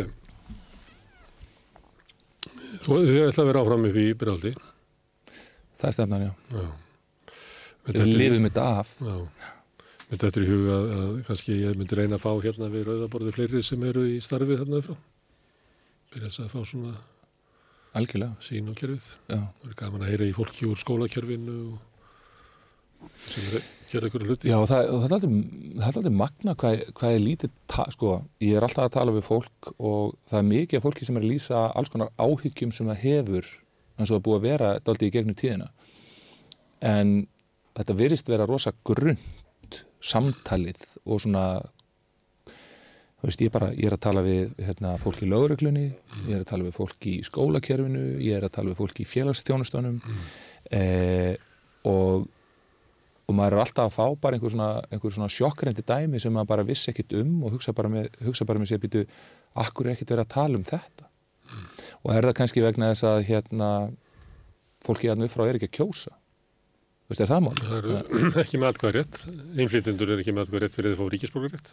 Nei, emitt og þeir sem að, þeir sem að eru konum í ríkisbókur rétt, þú veist, eru þeir að, eru þeir að nota Ég man ekki, ég man ekki eftir hérna, slíkri könnun, en það hefur komið fram að, að þú mátt kjósa eftir sko þrjú ár og það var nú fimm ár held ég, tískipt í sveitastjónarkostningum. En kostningaþáttakan þeirra sem er á kjörskrá, sem eru innflýtendur án hérna, ríkisborgaréttar er alveg ótrúlega dræm mm -hmm, og er merkið þess að þeir bara upplifa ekki að þetta sé þeirra mál. mm Það er til dæmis, þú getur hérna á 2000-öldinni eftir að konu fengu kostningarétt, þá var það mjög lengi að byggjast upp í það að verða jaft mikið nýttur og kostningarétt að kalla. mhm, Af því að konundar bara upplifðu ekki að þetta væri sitt svið, sko, eða að þetta væri stjórnmál sem snýrist um það, en það snýrist stjórnmálin ekkert um sko sjóna með kvenna eða hagsmunni kvenna. Það var ekki eins og ný frambóði. Uh, og það var engi sem að, að, að var að það voru bara alfakallandir sem að sátu og, og mótu stjórnmálin og konundar bara hérna, sá ekki allar ástæði fyrir akkurat því að vera að greiða atkvæði inn í þetta. mhm, En Það, og síðan þegar þeir fara að gera það og þeir fara að vera með þáttöku þá breytist það og stjórnmáli fara að snúast einhver leiti um, um hagsmunamál kvenna, um sérstöðu kvenna og annað slíkt og við erum náttúrulega bara ennþá í þeirri umbreytingu. mhm, Þannig að, að það er alveg ótrúlega rámt ef fólk segir það að, að, að ástæða fyrir því að þessi lítil kostningaþáttaka innflýtinda í sveitarstofnarkostningum sé að því að það sé eitthvað að því fólki. Það er bara er eitthvað að stjórnmálunum sem að snúa ekki að þessu fólki. mhm. Þannig að það upplifir bara ekki að það sé skiptir nokkru máli hvað það kýs sko. Því það er bara það er ekki verið að fjalla um þeirra vandamál. Hmm. Og þau sjá lítið á, á frambóðslistunum af sínu fólki. Og það er ekki verið að adressa það sem að, að byrnar harðast á þeim. Þannig að ég held að við höfum langt í land með þetta. Já, þetta er áhugavert Herðu, hérna, Brynja Karl, takk fyrir að koma hengað og Já, að takk sömu fyrir leiti vorum við að tala um breiðaldið, en við vorum að tala um allt annað. Já, já, bara við vorum að tala um það sem að þarf að gera í bregðaldinu Já. Það er náttúrulega ekki hægt að tala líka bara um breiðaldið um breiðaldið því að all lífið er upp í breiðaldið líka. Mm. bara, en, en bara takk fyrir að gefa mér þetta takkifæri og ég ætla bara að minna á hérna uh, Körfuboltan, sérstaklega fyrir stel, stelpunar fjagra ára og upp úr. Þetta er, þetta er hérna já, bara koma og, og, og, og kynna sér þetta og það, það vantar ekkert fleiri íþróttalið sko, körbóltalið fyrir stráka í, í, í, hérna, í Reykjavík en það klárlega vantar íþróttafélag sem setur sko, stelpunar á oddin og allar að, allar að breyta þessu veist, og, og í raun og veru ge, gefa þessum stelpum sko tæki frá því að auka uh, virði sitt og, og allt sem því fylgir já.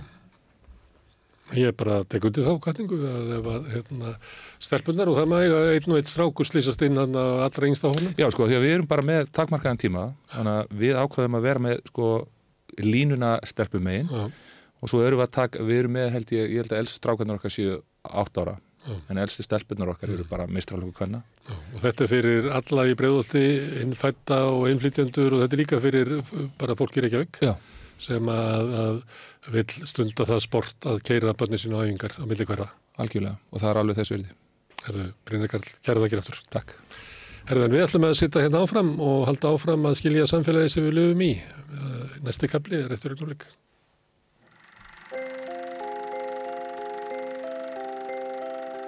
Tíminn. Stundum virðist hann silast áfram. Stundum standa í stað. Og stundum er eins og hann líði allt of hratt. Tíminn er okkar dýrmætasta eign því hann fáum við aldrei aftur. Þess vegna er mikilvægt að nýta hann vel og selja hann ekki ódýrt. Við sættum okkur ekki við að tími sumra sé álitin verðmætari en annara og berjumst fyrir bættum kjörum. Fleiri augnablikum með fjölskyldu og vinum. Því augnablik eru lífsgæði. Lífsgæði sem við höfum barist fyrir í yfir 130 ár.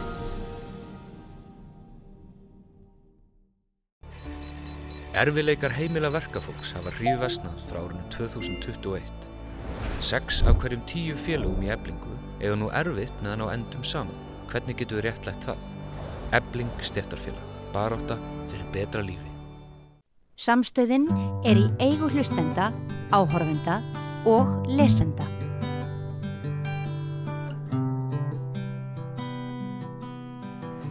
Herðu, þá ætlum við að tala um, uh, já, það sem að hefur svo mikið verið talað um sem er, er skautun í samfélaginu. Hvort að samfélagi sé að slitna í sundur og við sem að missa hæfileikan til þess að tala saman og já, þá er náttúrulega bara endalókin framundan, uh, stríð.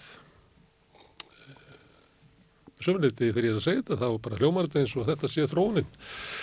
Uh, Finnur Delsen er professor í, í heimsbyggi við háskólan og þú varst að, að senda frá þér svona litla grein í hug tímaritt um heimsbyggi en eh, ert líklega að, að eitthvað að skoða þetta umfram það.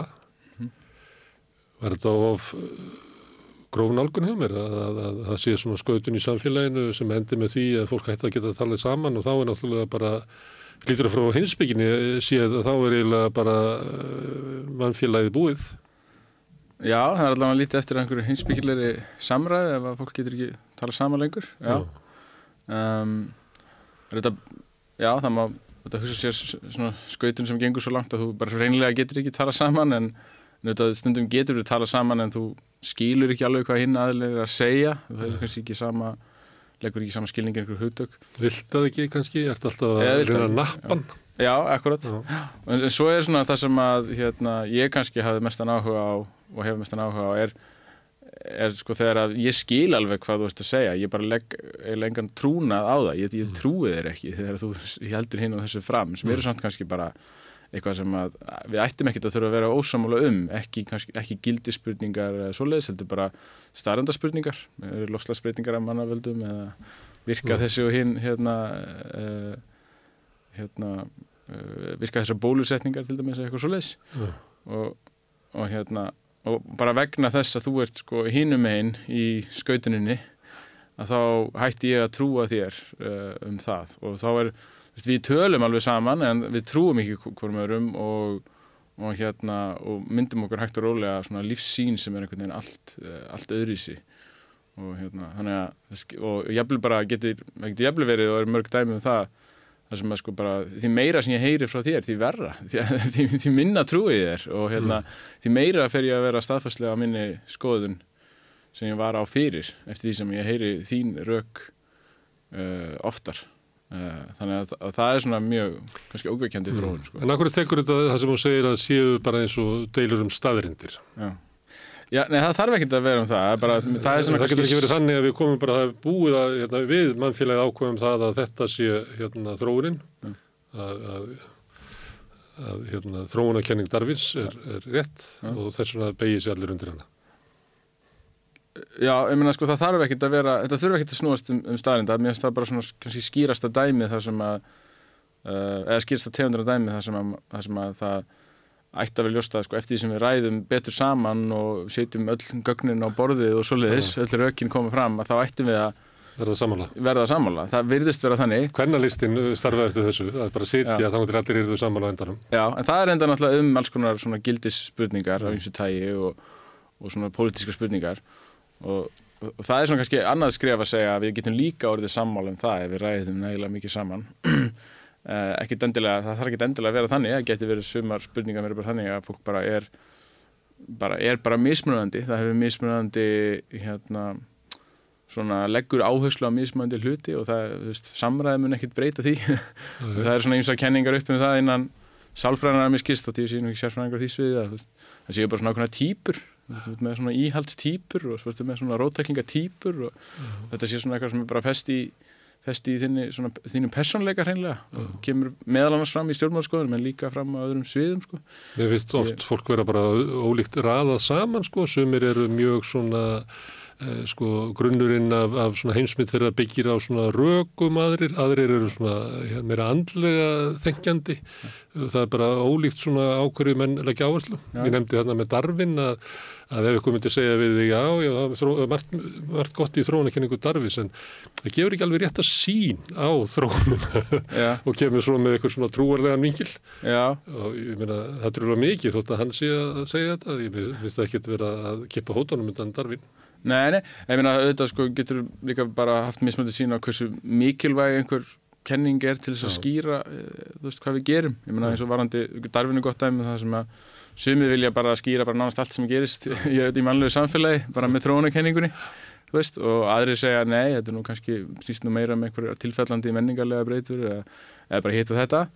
Og, og þannig að þú getur verið ósamála og sammála einhverju kenningu en samt verið ósamála sko nokkurinn á henni. Já, einmitt, hvernig henni til Víð, þess að skýra víðfeimur í samfélaginu. Já. Darvin gætt náttúrulega af sér félagslegan darvinisma sem er eiginlega bara hálfgerð mannhatturstefna og, en er náttúrulega grunn, grunnurinn að sömuleitu undir nýfrásíkinni um að við eigum að styðja henn sterka en ekki henni veika. Já, já, það er hérna, meina, og svo náttúrulega hefur þessi darfiníska kenning verið síðan sko, yfirfærið yfir á upprunnilega er hún sett fram sem svona um, lífverur og svo er hún yfirfærið yfir að vera kenning um eiginlega genin uh, hjá, hérna, frægast hjá hérna, hjá Dawkins, Richard Já. Dawkins þar sem hann setur fram í raun og verið kenningu um að það séu genin sem eru, það eru hæfustu genin sem lifa, ekki, ekki hæfustu lífverurnar. Og, og það er reyndar mjög öflug svona skýringa öflug svona kenning fyrir, til, að, til að skýra ýmislegt um, en, en hérna og svo, en svo er hann fljótur að yfirfæra það meira yfir það sem hann kallar svona mem sko, sem við náttúrulega erum farin að tala mjög mikið um núna. Svona, þessar, þessar memes og, og það er svona eins og gen nema menningarlega gen sem að svona einhverjar svona einhverja hugmyndi sem að erfast og, og geta sjálfar vilja öðlast nánast eigi líf. Uh, og, og hérna ég, ég, ég tengi það svolítið við við, ýmislegt sem er í gangi að, að maður fann að skýra sko líka hvað gerist í menningarsviðinu eiginlega með svona þróunafræðilegri skýringum maður bara skiptir út genum fyrir, fyrir mem Já. í staðin þannig að já, það er sömur sem vilja ganga mér langt í því.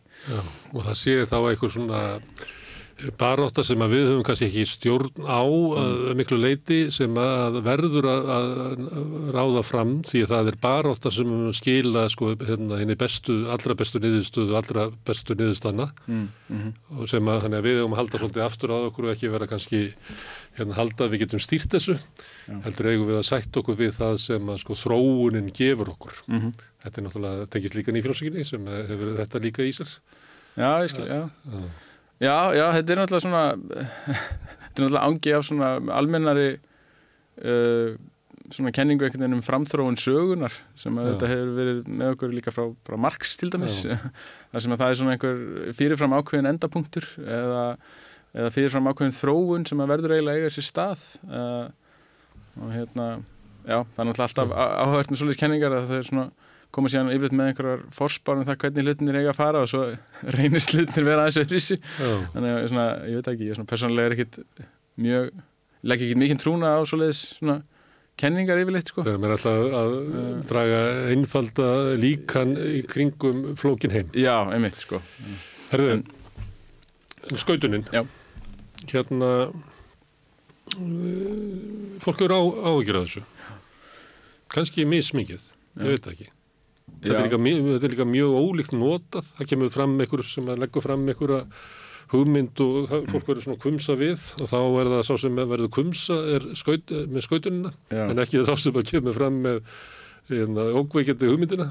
Já, Hvað, Já, sko, þetta er náttúrulega um, eitt af því sem hefur verið gert svona innan þessar fræðana um skautun er bara að, að hérna, aðgreina ólík svona skautunar hugtök og þau eru, þau eru til alveg ótal mörg eiginlega og hérna, eitt af því sem að ég uh, legg áherslu þessu litli hugvekju er, er að gera greinamun á sko skautun sem að snýst bara um eitthvað eitt tiltekki efni þar sem að sko ég og þú erum ósamalega um eitthvað og svo eða, eða erum kannski upphæflega bara eh, erum með, hvor- hvor er okkar með, með, með skoðunum þetta. Og svo færast skoðanur okkar sko fjær hvorum öðrum jafnvel eftir að við sko, skoðum sömu gögnin eða sko, sömu röki með á móti uh, og jafnvel eftir að við ræðum saman sem er svona pínu ókveikjandi uh, uh, þegar það gerist það er mörg margar svona sálfræði tilröndir sem hafa sínt að það gerist í, í þetta er ekki með dæmum svona mál? Um, já, það hafi verið gerað svona da- sem sagt, til, tilraunir sko, veist, það sem færð fólk í svona einhverjum hópum og og er, er beðið um að ræða saman um dauðarefsingar til dæmis í bandaríkjunum. Og hérna, og þá ertu kannski stundum er þetta gert þannig að, að það eru kannski tveir hópar settið niður og þeir skoða rauk með á móti. Og þá kemur, eitt sem kemur oft í ljós er að hérna uh, þeir hópar sem, að, sem voru fyrirfram aðeins á, á móti döðarefsingum fá einhver tiltekkin gögn og rauk í hendunar og eiga að skoða það. Verða svo ennþá meira á móti og þeir sem voru svo litið með, svona, mm. mestu litið þeir verða ennþá meira hérna, með Og sömu gögnin. sömu gögnin, sömu rökin og allt saman já. og þeir bara, fólk, fólk aða til og minna, það er ímsa svona, svona tillögur um það hvað skýrir þetta eitt er sem er svona kannski auglösast skýringin er að, að fólk bráða til að, að hunsa þau rök, að gera lítið úr þeim rökum sem passa ekki við skoðanir sem það hefur fyrir og, og gera mikið úr þeim rökum og svona, gefa þeim mikið vægi sem að, sem að passa við svona skoðanir sem maður hefur fyrir það, það sem kallast svona staðfestingar skekkja stundum í innan sálfræðinar Þannig að, að fólk er að raunverulega þegar það er, að, að, það er ekki að, að leita sér heimilda eða, eða, eða skoða neitt. Það er fyrst og fremst að leita að staðfestingum að það hefur rétt fyrir sér. Já, það verðist vera, svona, það er einlega til að orða þetta en, en sko, þetta er ekki upplifin þeirra sem að gera þetta. þeirra upplifin er að þau séu bara að leita sannleikans. Sko. En þetta kemur engum á óvart, ég meina öll þekkjum við, við þekkjum þennan mann. Já, ég meina við teljum okkur samt líka, við, við þekkjum svona fólk en við teljum okkur samt sjálf oft vera þannig að við getum skipt um skoðun og auðvitað getum við skipt um skoðun. Og Það, það er auðvitað alveg ljóst að við líka skiptum stundum um skoðun og, og þannig að þetta er ekki alveg svona Uh, maður er að passa sér sko að, að taka þessum sálfræði til með svolítum fyrirvara af því að, að, því að hérna, það, það sem gerist líka í þessum hópum eða þess að það eru aðra líka mögulega skýringar á þessu. Til dæmis er ein, ein skýring sem er oft sett fram er að þetta hafa að gera með svona uh, hvernig fólk hagar sér innan hópa. Að hérna, það vil enginn vera svona íhaldsmaðurinn svo sem er einhvern veginn á eftir í því að mynda sér staðfasta skoðun á, á því efni sem umræða ræða. Um, eða það er alltaf nægilega margir sem vilja vera á hérna í framvarðasveitinni, skulum við segja, innan hópsins að mynda sér svona, svona mest, mest svona afgerandi skoðun að, að, það, að það getur orðið til þess að sko hópurinn eldir þá uh, sem, að, sem að gera það.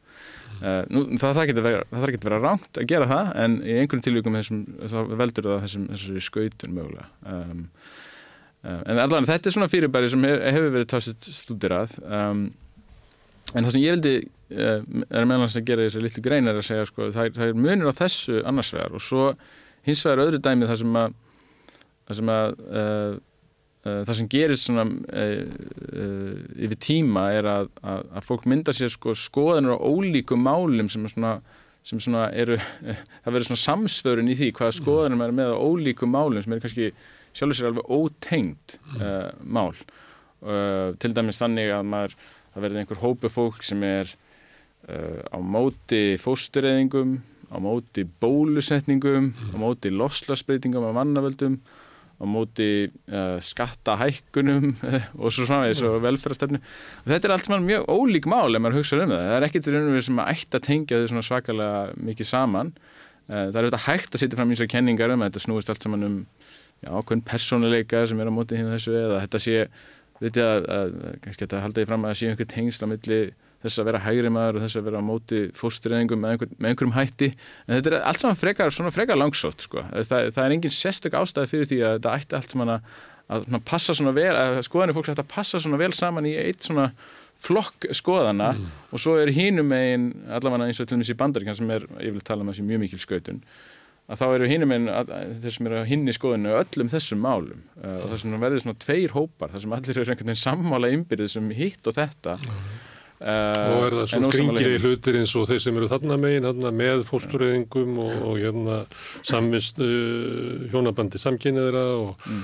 og hérna uh, séu lofslagsbreytingar að mannavöldum að, að þeir eru samfæriður um að rússar hafi sko stjórnað kostningústöldunum 2016 og, og það kemur alls konar það er alls konar drasl báðu megin sko. Já, já, algjörlega, ég meit sko og ég meina, eitt annað dæmi er kannski svona líka hvernig viðbröð fólk á svona frjálslindakantinum í bandaríkjanum hafa verið við COVID og það er bara ennþá skólalokkanir að miskist sem starf í bandaríkjanum mm. og, og ég meina ég tólka það heiklust þannig að, að, að það sé þarna sé sko hræðslan við að vera sammála hinn í hliðinni um... Það fara að ofleika frjálsaldið sitt. Já, já eitthvað svo leið sko þú svo hrættir um að vera mögulega sammála Donald Trump um, um eitthvað. Mm. og það er leiðandi neyðist til þess að vera ósamála jafnveg með eitthvað sem er bara orðið algjörlega órökriðt að halda fram sko. Donald Trump sem átt að vita lífsins. Já, nema öfu átt sko. já, og, hérna, og það er held ég ekki, ekki mjög góð leið til þess að mynda sér sko. En það er þessi tegunda skautun ég kallar þetta sko, fjöl efni skautun þetta er mörg efni sem er kannski ótegn En er þetta ekki svolítið um það að við erum sko miklu meiri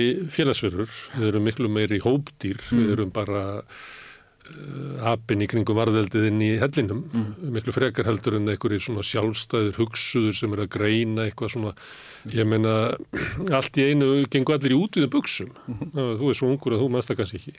Það meikar enga sens. En samt fannst öllum að bara það var líka unlingu sem að gáti ekki að fara út með útviðu buksum. Nei, nei, já, það er einmitt já, þetta, Það er að orðið fyrir aðkasti.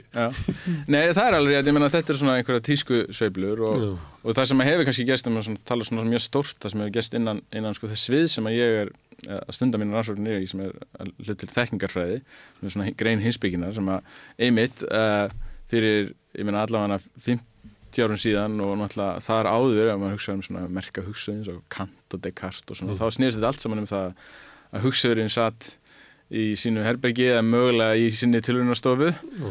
og, og hérna myndaði sér skoðanir bara óháð því hvað öllum öðrum fannst og mm. þetta var talið vera mjög mikilvægt hérna, mjög mikilvægur hérna, svona, svona leitið sem myndir skoðanir og maður eiginlega bara aldrei að hlusta á annað fólk sko. mm. um, og svo svona gerist það náttúrulega hérna, við áttum okkur á því hægt og rólega innan þessa, þessa sviðis að, að, hérna, að við fáum nánast allar okkar skoðanir frá öðru fólki ég meina það er í skólanum er okkur kentluti og það er kennari sem segur okkur þetta mm. og meira minna allt sem við, hérna, sem við hérna, komumst að öll svo þekking sem við höfum er frá fólildram okkar, frá vinum okkar og sjónvarpinu mm. það er, allstæðar er fólk að segja okkur hitt og þetta og við myndum okkur þannig skoðanum en það er, það er einhver lítið hluti skoðan okkar sem snýst um okkar svona, svona umhverju við bara byndi í kringum okkur sem við myndum með skilningavitunum og, já, og með einhverju tilhörnastar Já, við erum sapnhugur þess sem okkur hefur verið sagt. Já, í raun og veru, já. Mm. og, og, og þá fyrir auðvitað áherslun að vera innan þekkingarfræði að vera að miklu leiti hvernig greinu við sko ruslið frá, frá, hinu, frá góðu upplýsingunum sem við fáum mm. frá öðru fólki og ég meina yfirleitt er, er þetta, þarf ekki að efast um það sem annar fólk segir. Ég meina þú færði út í búð og, og, hérna, og spyrir hvað kostar þetta það má efast um það þegar þú segir að það kosti það er að segja mér að þetta kosti 850 krónir já, ef upplýsingarna passa ekki passa ekki við, við hérna, það sem maður hefði einhvern veginn haldið fyrirfram þá getur maður að fara að efast. En, en þú skilur svona í venjulegum aðstæðum að þá,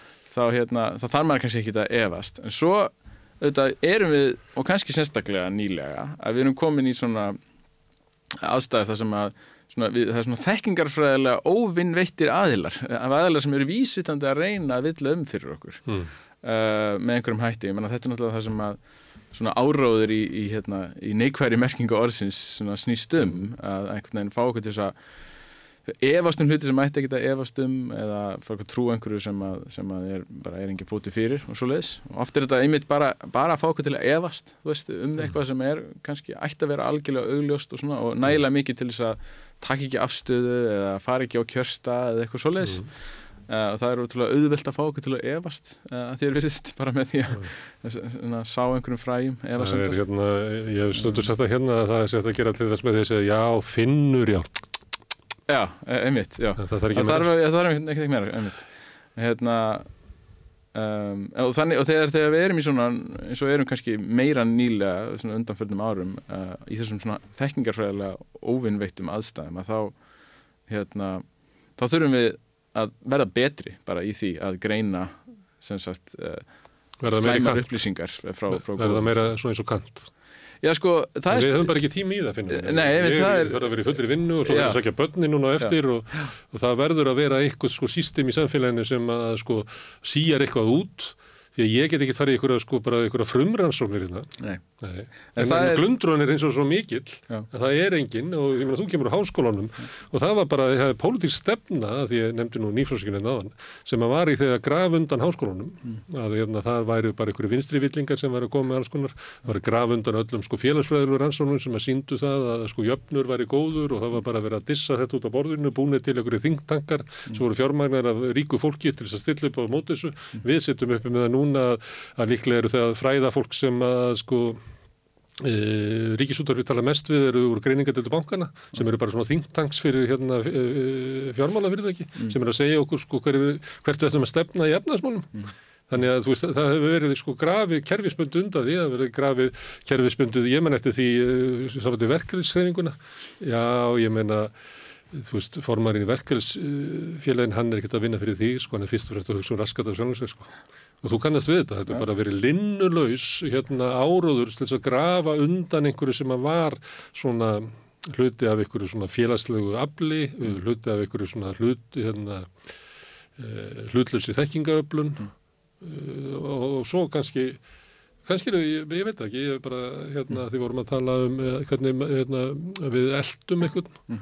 að kannski er ekki tilvílun að sko sterkimaðurinn er komin í pólitíkinu aftur, því að ef ég lifi í svona glundróðu heimi mm að þá kaup ég bara eitt pakka sko, ég ætla að kaupa Trump, ég ætla að kaupa Katrín Jakobsdóttur, ég ætla að kaupa þú veist, Gert Vildes að þetta er bara selt í pakkum mm.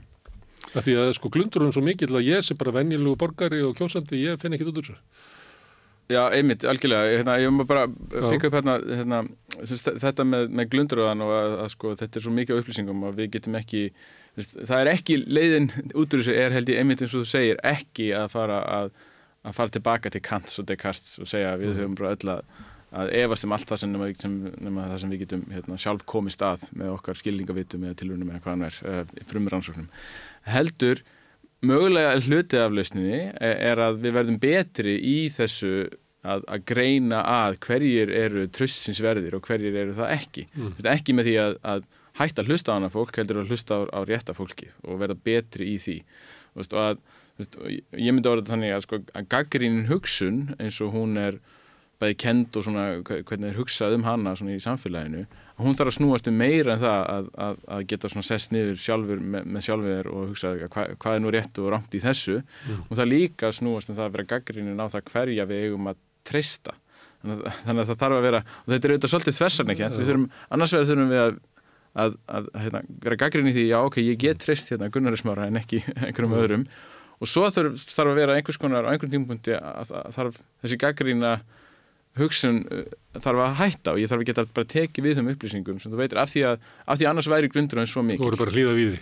E, já, en, en samt með gaggrínum hætti þannig að ég, ég vel, vel að, að hlýða við því frekar en einhverjum öðrum af einhverju góðri ástæðu uh, og, og það er hægt, við getum valið betur og ver þegar kemur að því hverjum við eigum að trista mm. en á einhverjum tímpunkti þá verðum við að, að hætta þessu, hérna, hætta að vera með gaggríni við og vera með evasendir og segja bara hérna, uh, þetta er nægilega hérna, tröstinsvert til þess að ég, ég, ég bara taki við þessu. Já, en, en, en, en það, það er, er, er fyrirgjöð, það er bara önnur hliðin.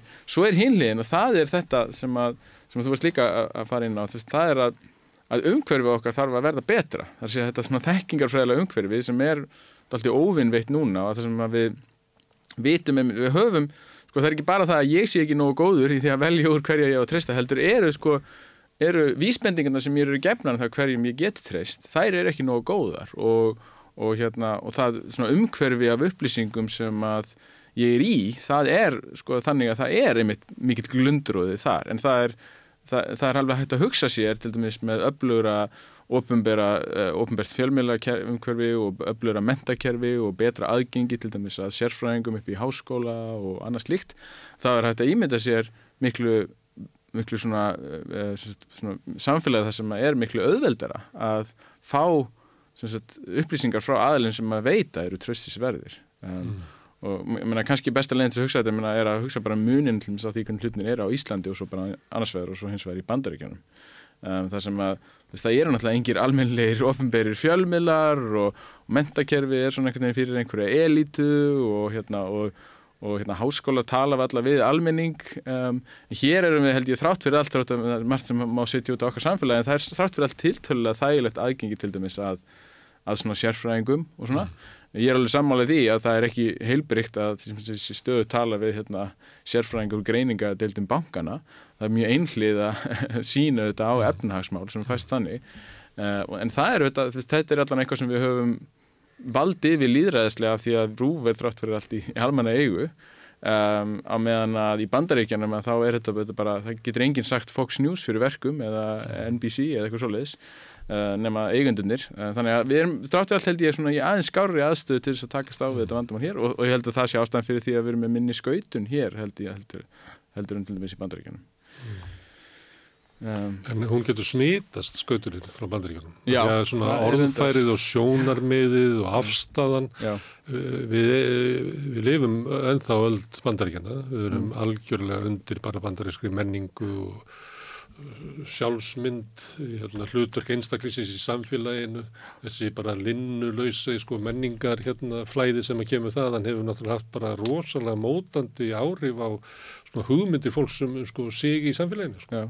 Já, já, og, og ég menna mann finnst þess að það sé eftir aukast eða eitthvað sko þessi pólitíska þessi pólitíska áhrif, það áður kannski var að alla menningarleg, þú fengið mm. kvikmyndir og tónlisti og tík hvað, svo núna eins og sko uh, eins og fólk sko kannski á yngri kynslu veitir meirum bandarík stjórnmál heldur en íslensk sko. Uh, og, og það, það skilur samsama sér meira við einhverja Uh, einhverja bandaríska stjórnmálflokka eða hópa heldur en, heldur en íslenska. Mm. og já, ég hérna já, það er náttúrulega ekki gott ef þetta staðan er eins og hún er í bandaríkjunum að þetta sé, sé svona. En kannski hérna, hektur ólega áttum við okkur á því að það er ekki, hérna, þetta er ekki alveg til fyrirmyndar hérna í bandaríkjunum, við þurfum að gera hlutina öðru sí og horfa, horfa kannski meira til Evrópu, uh, hvað þetta verður sko mm.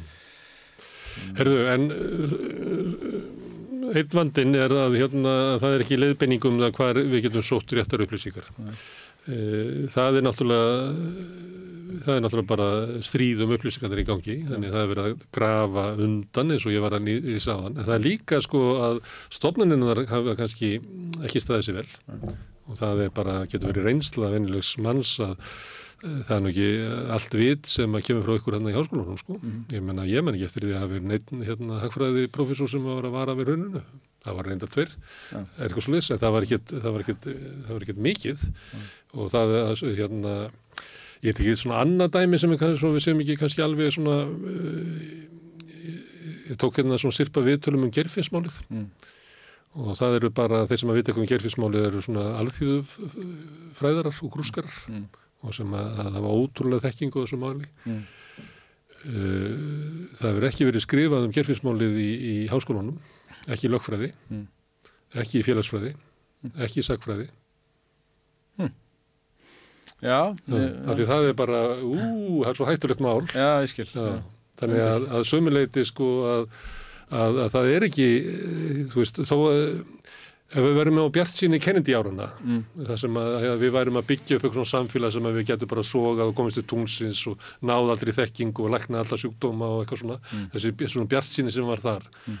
Hún, ég held að hún sé ekki svona ríkjandi í dag, annars verður það því ég held að það hafi verið grafið undan, hérna, eins og ég var að lýsa á það með nýfljóðsvíkna. Mm.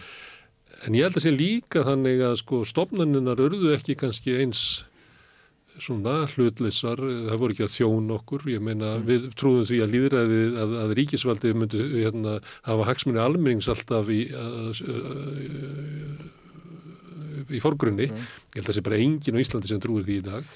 Og það sama áeiginlega við um háskólan og bara alls konar fyrirbreyðin svo hagstofan sko, ég er alltaf þegar ég ferðan inn að þá sé ég alltaf byrja, okkur getur ekki stjættagreint gögg sko, ég vil fá að vita sko hvað hérna, hérna hverju lífslíkur þeirra sem að lenda í lágstjætt á Íslandi og þeirra sem að fljóta ofan af. Ég vil bara vita, er þetta átt ár sem að sko stjættaskiptingin kostar? Mhm. Þú veist, eh, veistu, það er bæði sko, það er, það er ekki þessi svona þekkingarvilji sem er að ná fram og það er eins og svona einhver leiti þeir sem stofnarnir sem ættu að vera að vinna upplýsingarna fyrir okkur. Ég verði að dönda mér að því í gærkvöldi að búa til aldurspíramíta, mm. þar sem ég tek fyrir þá sem eru eiga báða fóröldur en íslenska, annað fóröldur íslenskt og eru inflýtendur af fyrstu og annara kynsloð. Það sem kemur náttúrulega í ljós að sko allar hugmyndur um það að að innflýtið þessu byrði á, á, á kerfunum okkar eru bara gagalagú mm. vegna þess að sko aldursamsettingin er þannig að þeir létta byrðirnar vegna þess að mesta byrðin, aldurstengda byrðin er að hérna, þeir sem eru að vinnumarkað er að vinna fyrir þá sem eru ungir eða of gamlir. Uh, ég vil að sjá bara þjóðarstofnum koma með þetta, það er búin að leggja hana niður uh, hagstofana, uh, einhver ár háskólanum við innflytjað umræðina gríðaleg glundróði, gríðaleg hérna, hérna, blekkingar í gangi, uh, hérna verið að kasta fram alls konar hérna, fyrirbreyðum sem eiga að vera sko, staðrindir sem eru það ekki, en mér finnst svona bara háskólasamfélagi bara heldur þessar höndum. Mm. hlutlösu stopnani sem við eigum halda þessar höndum. Hérna, upplýsingar þess komur ráðunitur með meira minna bara áráður Já, jú, já, ég meina þetta er sko, hlutilega þetta er bara búið við mjög litlu landi og, og sko, fræðarsamfélag okkar er bara náttúrulega einhvers konar mikró samfélag og hérna þegar, maður segir sko, tveir hagfræðingarprófessorar vöruð við hruninu þá er það hlutfarslega ekkert svo fáir sko. Þetta er svona, kannski ættum við bara nokkuð sátt við það með að við, veist hvað við sjáum til og með í bandaríkjana með eitthvað svoleiðis. Um, síðan er kannski að hluta til er þetta það að, að veist, í, í háskólanum að það er svona kannski kvatarnir eru ekki endilega þannig að þeir, þeir, þeir stiðji við að vera mikið úti í samfélaginu að miðla upplýsingum eða miðla niðurstöðum sem að hérna, venjulegt fólk hefur mestan áhuga á. Kvatarnir eru fyrst og fremst þess að byrta í okkunnum tímaritum sem eru svona, háfræðileg tímaritt, skulum við segja. Um, og það getur alveg verið ástæði fyrir því og veru, veist, veist, má hugsa til lengri tíma þá viljum við, þú veist, að, að, að okkar fræðmenn sé að leggja mörgum þarna líka eins og allir aðri, sko. Um, en, og það er verið að vinna í því reyndar að breyta aðeins kvötunum innan Háskóla Íslands allavega, um, þannig að það verði meiri umbun í raun og verið innan kervisins mm. uh, til þess að uh, Þú fengir umbun til að koma hingað? Já, eitthvað í þá veru, held ég, er hennilega um, Eða, eða eitthvað álíka sko, það er svona mm. samfélagsverkefni sem er núna held ég styrt með einhverjum hætti og svona. Um, en þú veist, auðvitað er þetta alltaf erfitt og þetta tekur langan tíma líka að breyta svona menningu. Um, en, en uh, já, ég meina varandi hagstofuna sko, þú veist, þá getur líka, maður líka spurt því sko, þú veist, er það kannski bara ágætt sko að menn eins og þú getur komist hérna í gögnin og, og greint þau í staðis að það sé einhver hérna tiltekin aðili sem eigi að sjá um það og gerir það þá með sínum hætti, þú veist, það er Við erum allan að heppina til til að þessi gögn er núna mjög aðgengilega, þegar ekki á hagstofinni, það er auðvelt að ná í það. Ja, það ég get alveg hvert að því, en það er kannski ja. komið út í svona nitti gritti, en ja. þeir eru alltaf að breyta fórsetunum, þannig að það er svolítið erfitt að ná svona lengri sko sögulegu samingi sko. Það er alltaf að breyta fórsendunum og þeir byrta það endur þá hérna með ekki í fortíðina, þannig að maður fái svona lengri raðir. Já. Þannig að og þetta með stjættina fyrir minnst það bara svo stort atrið í samfélaginu. Það er vonlust ef að hlutur kakstofunar að byrta mynd af samfélaginu sem við lifum í Já. og horfa fram í á sko stjættaskiptingu En það er nú, hérna, hefur ekki Kolbjörn Stefansson eitthvað hérna, greint þetta og einmitt hjá hagstofuninu eitthvað litið Það getur beðið um þessu gögn, það getur keftug Já, já. En það er, það er eitthvað til og, en, en hérna já, já, það, það hérna, mætti þetta að gera meira af því og, og hérna en svo líka fæ maður náttúrulega tilfinninguna að það sé líka spurningum að veist, þetta er ekki líka bara, er ekki bara fræðmennunum að kenna, heldur líka að vantar hérna einhvern, einhvern hérna, einhvern aðeins sem tekur við þessum upplýsingum og kemur þeim síðan út til almenning sko, sem er náttúrulega já, já, það er náttúrulega það, það sem að, til og með þessi stöð er að gera og hérna, en ég minna Rúf er ekkit hérna, mikið að óska eftir uh, eða hvað þá hérna, enga fjölmiðlarnir er ekki mikið óska eftir einhverjum upplýsingum um með mitt stjættamun og svona þannig að skilur við það sem að fræðimenn rannsaka það auðvitað endur speglast líka bara af svona hvernig samfélagið er og hvað samfélagið er í er gangi í sjálft að spá í já. Já. Þannig að þú ert að svara samfélagsumræðinni með til dæmis með þessu skautunar Já, hygglaust, ég, ég hef aldrei skrifað þetta en maður bara, uh, já, út af því að ég heldur svona tala aðeins inn í samtíman Mm. og reyndar er þetta ekki svona eiginlega engan veginn mitt svona aðal rannsóknar efni, sko, þetta er svona auka, auka jobb, sko já. En að því að við erum að tala um svona hérna, félagsleg uh, leiðir okkar til þess að komast að niðurstöðu, það er, það er eitt og þá þyrfti að vera skýrara í samfélaginu hérna, hverju, hérna, hvers konar upplýsingar maður er að fá á hverjum stað, hvað er skoðun og hvað er hérna, staðrind Já. eða upplýsing. Eitt geti verið þannig að maður verið að hugsa um að þetta veri leið til þess að komast að niðurstöðu. En eh, ég held að við sem ekki einu, eh, það sem við ekki einu sem þar heldur þess að freka þannig okkur vantar þetta til þess að koma að einhverjum grunni um hvað eru við að tala. Mm. Við tókum til þessum innflytjandamál sem er það mál sem er að skauta samfélagi sko mjög hratt núna og ég bara hef eiginlega aldrei upplifað annað eins eins og bara síðustu vikur. Mm. Að það sem að mér veist vantaði það er bara um hvað eru við almennt að tala sko. Svo veist, hver er grunnur? Við bara tökum uh, sambandi við hérna, fólki frá Venezuela. Uh, stjórnmálafólk heldur í fram að þetta hafi verið áfríðunanemdi sem tók ákvörunum að veita fólki frá Venezuela hæli. Það er bara ekki rétt. Mm. Og það vitað allir sem að skoða það sko. Það var tekin ákvörun inn í útlendingastofnun uh, se- hérna, með velvilja sko ráðherra að, að hérna, veita fólki frá Venezuela hérna, forgangsvend Já. Og það eh, gekk síðan í eitt og halvt ár þannig til að, að hérna, úrskurðunemdin úrskurðið að það mætti ekki breyta kerfinu. Að þú, þetta var, var ákveðið þarna, það verið ekkert breyst í Venezuela, þetta var haldið áfram. Þrátt fyrir að allir eiga að vita þetta, þá held ég sem bara eiginlega allir stjórnmálamenn sem að tala um það eins og það hafi verið sko einhverju embatismenn sem að breytti stefnunni. Þetta gengur bara áfram. Mm. Og ég ta- tala um miklu, miklu fleiri mál sem eru í þessari inflytjandi umræðu sem bara halda áfram í umræðinni. En, en, en það er eins og við náum ekki að búa til eitthvað svona sirka hverju grunnurinn sko. Já, það hefur náttúrulega verið reynt sumstaðar með svona staðrinda hérna, vakt af eins og tægi uh, er til bandaríkjanum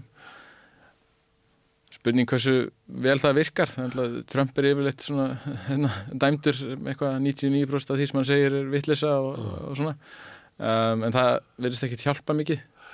Uh, þannig að maður velti fyrir sér sko hva, hvort að það sé raunverulega leiðin út úr þessu. Um, en, en hérna það er alltaf samt sko, ég meina ef að það eru staðrundavæktir þá er allavega að geta sko andstæðingar þeirra stjórnmálamanna sem að halda fram vittlisum, þeir eru allavega að hafa þarna ákveðin svona já, ákveði vopni höndunum og líka bara hafa þá eh, vita hvað er satt og hvað er ósatt til þess að geta svo nota það í einhverjum beinum kappræðum annars líkt sko, en kannski hjálpar það einhver liti og, og hérna kannski ættum við að, að taka svo leiðis upp hérna á Íslandi að reyna það, að vera Mm. með svona staðrundavæktum svona einhverjar megin, megin fulleringar sem að einmitt líka til uh, grundvallar uh, einhverju vitrætni umræðu um svona mál. Uh, en semt er auðvitað svolítið kannski erfitt að koma staðverðin þess að þetta byggist sjálft á einhverjum fulleringum eða eitthvað svoleiðis. Ég, ég, ég, hérna, uh, þetta er náttúrulega ekki alveg einfalt varandi eitthvað svona hvernig er ákvörðun tekin innan einhverjar stopnunar það er, vantilega, það er kannski einhver pappislóð sem líka fyrir um það sem er hægt að vísa í eða hvað en, já, ok, Það hefur engin áhuga á því sko. já, já, það er um, pólitísk umræða fer ekki fram á staðrættagrundalli. Heldur einhverju svona, þetta eru skilmingar skoðarinnar, þetta eru memi hérna sem eru í slag, sem eru, lifa bara sjálfstæða lífi sko. Já, þarna er einmitt kannski svona einhvers konar staðfestingaskekkja sem er líka í gangi sko. þú trúir ekki því sem að passar ekki við þína fyrirfram gefnu skoðun sko. um, Já. Já, Og svo skautun í útlendingamálum er alveg rosalega hröð. já, Það sem að einhver kemur með einhverja upplýsingu og þá kemur einhver annar með könnun sem átti að verið gerði í Danmörku sem síndi að 70% Mm. flóttafólks á Palestínu hefðu sko endað með dóm Já. Og engin veit hvað konun þetta er eða hvað hann kom. nei, nei, einmitt Það, er líka þetta skilmast á sko alls konar það sem að lítur út eins og sko vísitarlega rannsóknir. Já Já, ég skal ekki segja sko, ég meina hérna, mín, tilfinning er kannski svo að þetta svona eins og segja, þessi svona staðrendavektir séu kannski ekki alveg, alveg jafn gaglegar eins og, eins og fólk hjælt kannski þegar það voru að sitja þar á stopna en eins og það get ég mynda með sko að bara að meiri stuðningu við sko fjölmiðla fólk sem að síðan tekur svo þessa hérna, stjórnmálamenn í viðtöl og þar sem að þú veist uh, til þess að þið fá ekki að halda fram bara hverju vittlis að fættir annari það finnst mér vera svona einhver lenska á Íslandi sem að, sem að ekki mjög heilbrið að, að stjórnmálafólki er lift bara að komast upp með með staðröndavillur alveg hægri vinstri mm.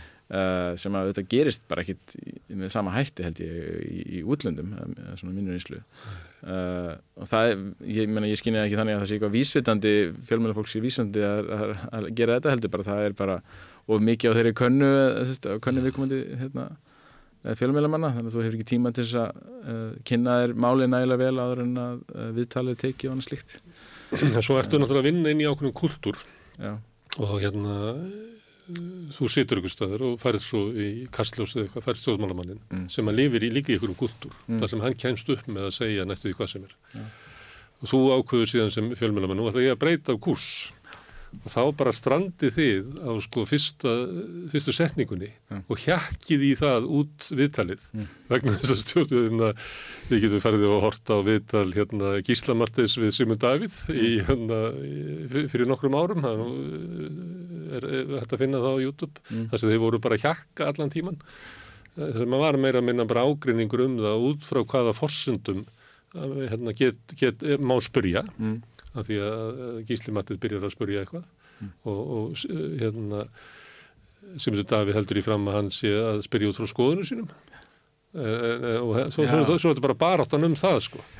Þannig að, að því ég hef sundu talað við stjórnmála fólk og, og það sem er haldað og maður hugsa á meðan maður er hérna, að hlusta þú veist, hvar á ég að sko fara að stoppa og tala um staðrændinnar sko, mm. ég get ekki breytið þessu bara í eitthvað hjakk Nei. um hérna, því að það kemur ekkert út úr því.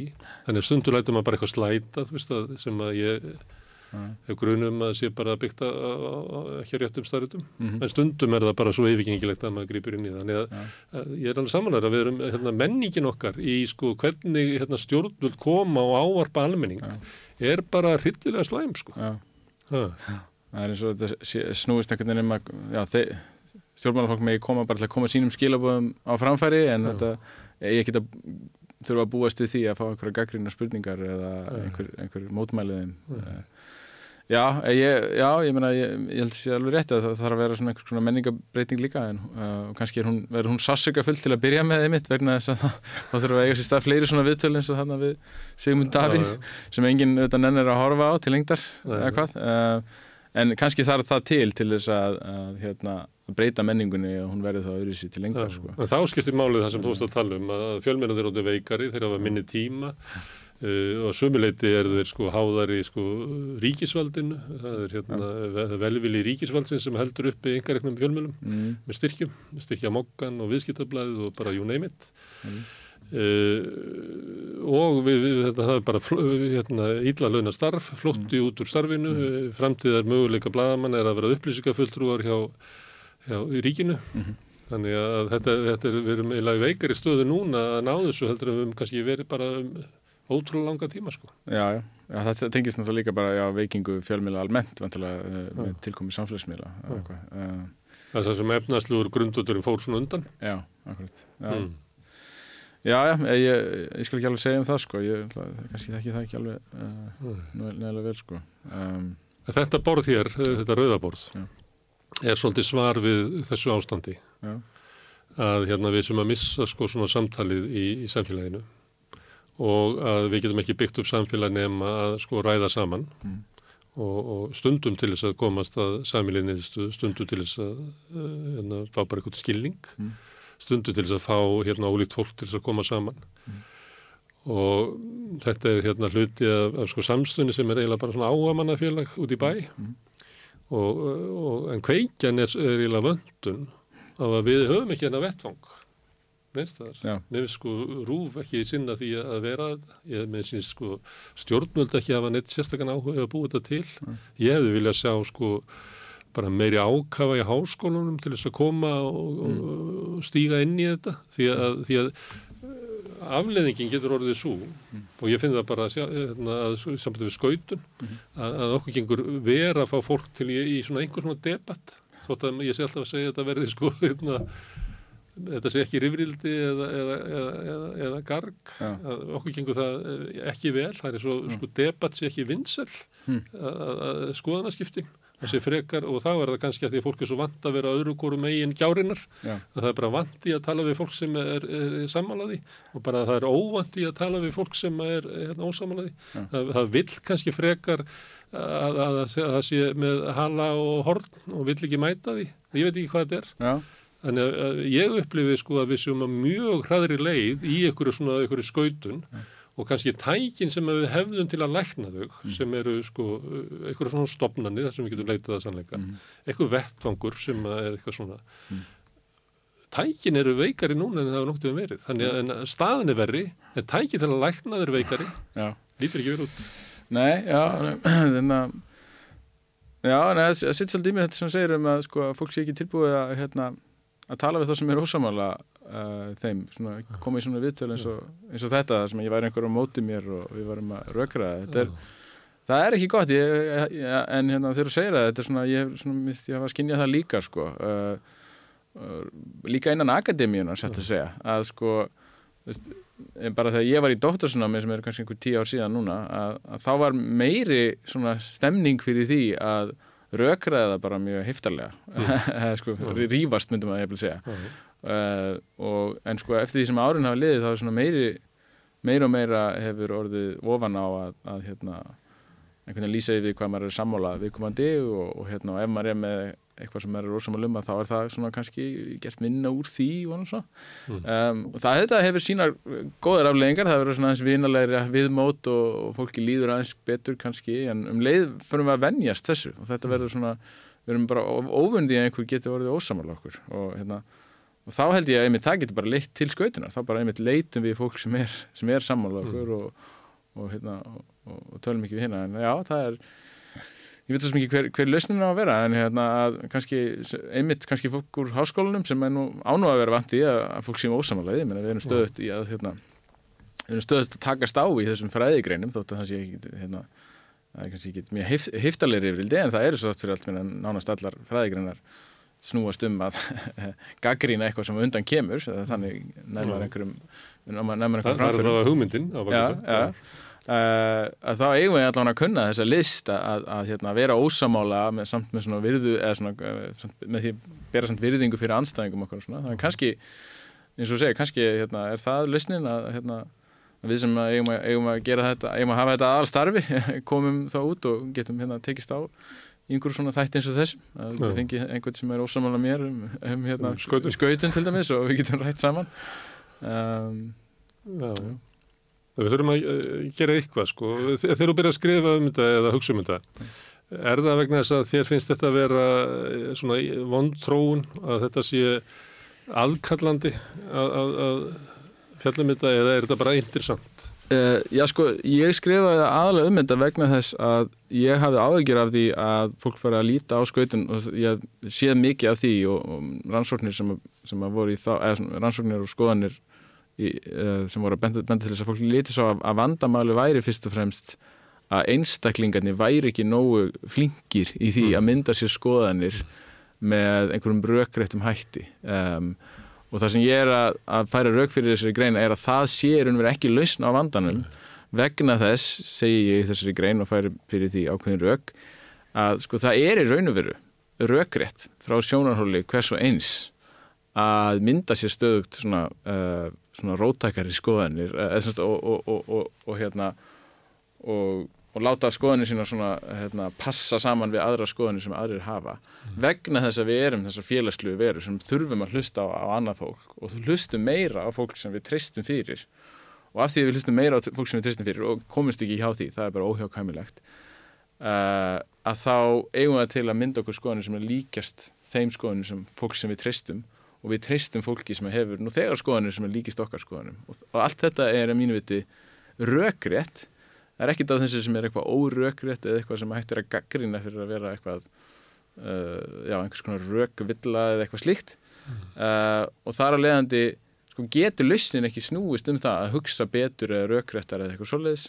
Það mun bara leiða til meiri skautunar. Um, þannig að í staðin verður lausnin að vera svona samfélagslega lausn að, að, að breyta samfélaginu fjölmiðlum, mentakerfinu já, hvað upplýsingu við höfum aðganga af allt þetta uh, til ef við ætlum að reyna að minka skautinu eða komið veg fyrir hana Við verðum betri einstillingar eftir því sem að samfélag verður betra. Já, ég mun, Og við- og það er sameiginlegt okkar skoðanamyndum mun bara endurspegla hvernig svona samfélagslega svona struktúrin er varandi fjölmiðla og mentakerfin og slíkt. Þannig að, sko, að það, Þá er skautunin merkjum það, að- það samfélagið er að, er að ykkur eitthvað að bresta, ekki að standa undir þessu. Já, og ég held að maður meina, ég, það er ekki það sem ég benda á í greininni en ég held að maður sjái það líka bara á, að maður horfir á misbröndi samfélag þar sem er meiri og minni skautun það er bara rosalega sterk fylgni millir þess að vera með svona sterkar samfélagslegar undirstöður eins og við erum þrátt fyrir allt með hérna á Íslandu og, og Norðurhundunum Mm. uh, annars vegar og svo hins vegar þegar við tökum bandaríkin eða, eða ég veit ekki hérna, önnur ríki þar sem að nýfrálsíkjan hefur bara tekist að eh, grafa undan öllu sem hægt er að kalla sko opinbert almennilegt svona opinbert mentakerfi, opinbera fjölmila og, og, og svoleiði sko. Að, þá sér maður þessi skautunum miklu meiri þar í þessum löndum. Þannig að hérna þannig að það er það sem að fæ mig til að skrifa þessa grein sko á sín tíma, það er að að ég svona að fólk er að hugsa með með raungum hætti og ég er með hætti þannig að, að sko lausnin er því myndi gera vandamáli verra. Uh, og þannig að ég vildi svona uh, byrja að reyna að benda á þetta Það ætlum að taka þetta alvarlega og, og styrkja samfélagið. Já, Eitt sem að þeirra verið að þetta nota líka skutun. Það nota svona til þess að, að, að draga yfir sko kannski eðlilega ágreining í samfélaginu. Já. Að hérna það er allt stóruð skautun nema þetta sé bara einhvern veginn eins og þetta sé bara almennt húsfélag þar sem allir hafa sko samila hagsmunni þannig það er verið að reyna sko að gera skautun úr því sem er bara eðlilegur sko hérna hagsmunna barátta sem er bara hluti af því sem byggjur upp sko fjölbreytt uh, líðræðislegt samfélag. Það er bara að baráttan sé frammi. Það, það líka kemur stundum heyrið maður að sérstaklega frá stjórnmálunum eins og sé að reyna sko að, að hérna, þegar þau halda ykkur fram og svo andmælir þeim ykkur eins og stjórnmála eiga snúast um að þá er sá sem andmælir hann er að skauta er ekki, ekki sá sem að hjælt fram kannski sko Já. uh, hérna, var búin að færa sko skoðun sína sko töluvert til sko. já, já Já. Já, já, þetta er náttúrulega, þetta er ekki, þetta er óþægileg þróun þegar svona hugtök eins og skautin og annað dæmið en væri kannski hérna, upplýsingaóreiða Já. er það að nota sem svona einhvers konar barefli á fólk sem er ekki sammála uh, línunni frá stjórnvöldum eða frá jafnvel einhverjum stór fyrirtækjum og annað slíkt. Uh, og þetta er, sko, þessum ástæðum þá er ég ekkert sérstaklega svona uh, á því að, að, að svona besta leiðin til þess að kannski tala við almenning um svona mál sé eitthvað að, að, hérna, að vera alltaf að hamra á einhverjum svona hugtökum. Þetta er nú bara skautun eða þetta er upplýsingaóri eða eitthvað svoleiðis.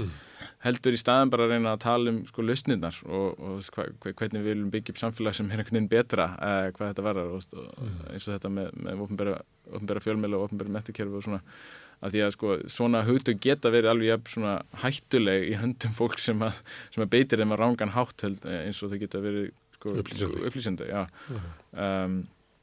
þannig að ég, ég er uh, já, bara mér, mér sammála því ég minnst þetta svona sérstaklega svolítið ó- ógveikjandi þegar maður sér svona talum að hittu þetta sé upplýsinga óreiða sem er bara uh, eðlilegu skoðuna ágreiningur við einhvers konar svona hérna einhverja línu sem að er gefin út af einhverjum stjórnvöldum eða eitthvað svoleiðis og hérna uh, það, það er svona mjög óabyrt tal sko og hérna og, og hérna minnst það svona já, það er ekki góð þróun að mín viti Nei. um, Nei, Nei lausnin er ekki það að við séum öll samála nei, einmitt. Nei, lausnin er að við getum rætt saman og saminlega mótað stert samfélag. Já, en svo ætlaði ég kannski nefnilega líka varandi svona að svona kannski hvernig er hægt að nota skautun gegn, gegn fólkinu venjulegum almenningi í landinu að það er hérna að, að stundum sko held ég að, að sko vísvitandi reynd að búa til skautun um tiltekin mál um, sem að eru raun og veru svona eins konar svona, svona eru í eðlisinu frekar lítil mál sem að, að Mm. venjulegt fólk hefur ekkit mikla hagsmunni af því að, að ræða svona mikið saman um og gera að einhverju stórmáli eins og hérna ég meina, ma- maður ræðum sko með til dæmis tökum um, eitthvað á borð við Með þetta Reykjavík-lúðlur, þetta það er sko, þetta mjög uppbygging samgangna auðvitað það skiptir það máli fyrir, fyrir suma auðvitað Mm. skiptir það máli fyrir suma sem er heima nálægt eða eitthvað. En, en einmitt sko fyrir hinn venjulega uh, borgara hérna í Íslandi að þá er það ekkit stór mál en það er hægt að blása það upp sem aðal málinu hérna. Og, og, og meðan að þá er ekkert talað um ójöfniðin eða heilbreyðiskerfi eða allt hitt sem að kannski ætti að fá miklu, miklu meiri tíma. Að því að svona, svona mál sem hægt er að gera hægt er að skauta mjög auðveldlega. Og allt einu fær fólk hugmyndur um að við um að velja á milli þess að reið, reyðhjóla stíg eða og eins svo og getur þessi- umræðan orðið svo styrlu sko. Já, einmitt. Og með, ég, ég, ég, ég þykist sjá þetta mjög mikið í, í, í bandaríkjana þar sem alls konar svona mál sem að ætti raun og vera bara frekar svona auðleysanlega réttindamál eins og hjónabund samkynhæra til dæmis. Ég meina af hverju er ekki bara hægt að leifa það? Af hverju þarf það að vera einhverju stór máli Jú, mm. þá er, þá er að meðan er ekki talað um allan ójöfniðin í það, þá er ekki talað um að hérna, hérna, miljónir manna sé ekki með heilbriðistrýkingu og svona, svona. Einflitt þetta mál er náttúrulega nótu svona. Já, einflutnamál, já, það er undan annar gott dæmi. Það stótt að sé í raun og veru frekar lítill munur á stefnu flokkana, til dæmis í innflytjandamálum. Allir, eða báður flokkarnir vilja hafa þarna í raun og veru hennan, hennan vekk. Mm. Ég meina, þeir eru bara ósamalega hvað var kallan. Já. Um, hann hann er þarna, eða þess það er gyrðing sem stöðar og svo framvegs. Mm. En, en þá er það á báðum hliðum nota til þess að fá fólk á kjörstað. Uh, og, og að meðan er ekkert talað um, ég meina, tökum utanríkistefnuna eða tökum, hérna, einmitt svona, all- allan ójöfnuðin og allt þetta Herðu, má ég taka þið út úr þínu, þínu sérfræði? Hvar, eh, hérna, eh, hvar er þetta mettaður? Í hvað landi? Já, sko, ég, ég var í dóttursnámi í Bandaríkanum uh, í Norður Karlínu, þannig sem er tæknilega séð söðrið, þannig að það er svona það er ákveðin skautin í gangi þar, svona menningarleg að, hérna, þar sem að ég var í námið það er svona háskóla bær, þetta er Chapel Hill. Er bara, ja, hann er bara plantaður hérna í miðju fylkinu Mm. hérna, af, því að, af því að það er að allir að geta átt að fara jafn langa leið í háskólan sko, um, af því þetta er ríkisháskólan þeirra. Og, og, hérna, og þar inni, þar eru náttúrulega bara allir háskólan nema flestir, nánast allir aðfluttir. Og hérna, en svo bara ef kemur ferðu einn kílómetra kannski í næsta bæ bara við hliðin á. Og þá er þetta bara söðrið, þá er þetta bara eins og maður sér í bíómyndunum í söðrinu og þannig að það er svona menningarlegur rosalega skautin að það og Og það er, söðrið er náttúrulega bara skautað í, eftir kynþáttum og Já, að, miklu leiti sko. Um, ekki það, þegar ég var hérna þá kaus Norður Karolína sko Obama aftur þarna. Og svo held ég að það er að færi kosið Trump og svo aftur Biden þetta er svona, svona fer svolítið á milli um, af því það eru líka stóra borgir hérna Mm. og, og hérna og til dæmis hæsta hlutvall doktorsmentara hérna í kringum Chapel Hill mm. þannig að það eru, eru svona stóri livjafyrirtækin eru hérna með höfustöðar og fleira slíkt sko. þannig að þetta er svona svolítið ólíkt en það er einmitt maður sé bara innan, innan fylgis eins og bara einhverju kilometra fjalla getur verið rosalega svona skautin á milli uh, já svona pólitísk menningarleg og bara og náttúrulega líka efnaðarsleg sko. og það er náttúrulega svakalegt að sjá það það er svona ástæðan fyrir að ég vildi ekkit vera áfram í bandaríkjanum eftir þetta nám maður bara, maður vil ekki búa í svona samfélagi þar sem að sko til dæmis, hérna, við vorum til dæmis þeirri ástöðu að vera með, með hú- húsnæði svona í láni og það kom manneskja að þrýfa það sem að, sem að eigendurnir á, sko, höfðu ráðið. Og svo manneskja, hún, hún hafði ekki, sko, ekki sens að hún geti lifað þarna í þessum bæ sko, en þess að hennar laun eru bara það lág og hún getur ekki búið með öðru fólki í bænum sem hún vinnur í. Hún þarf að búa einhverja lengst í burtu og, og hérna, hún var ekki með sko, hilbriðistryggingu, hún var ekki með hún gæti ekki farið til tannlæknis og hérna var svona einhvern veginn orðin eitthvað hálf tannlaus eftir það. Og svona bara, þetta er bara svona daglegt lífmanns maður þarf að vera í stöðum samskiptum við fólk sem er bara býri í sko, eða sárri fátækt. Og svo er maður sjálfur þarna hérna, uh, ég meina, þetta var ég ekki ríkur um að ég var í doktorsnámi en, hérna, en, en það er svona einhvern veginn, þetta samfélag er bara ekki manneskilegt sko. og versnar versnar. Er um eh, kannski, ég heyrði að síðan sagt frá fólki sem var að koma frá San Francisco þar sem að fólk klofar yfir inn að heimilslönu lausu til þess að lappa inn á Michelin staðina Já, akkurat já. það er sko ójöfnur eins og uh, in your face svona. Já, og já, það er sko ókveikjandi að sjá hvernig veist, fólk frá bandaríkjanu sjálfum er bara orðið vant þessu.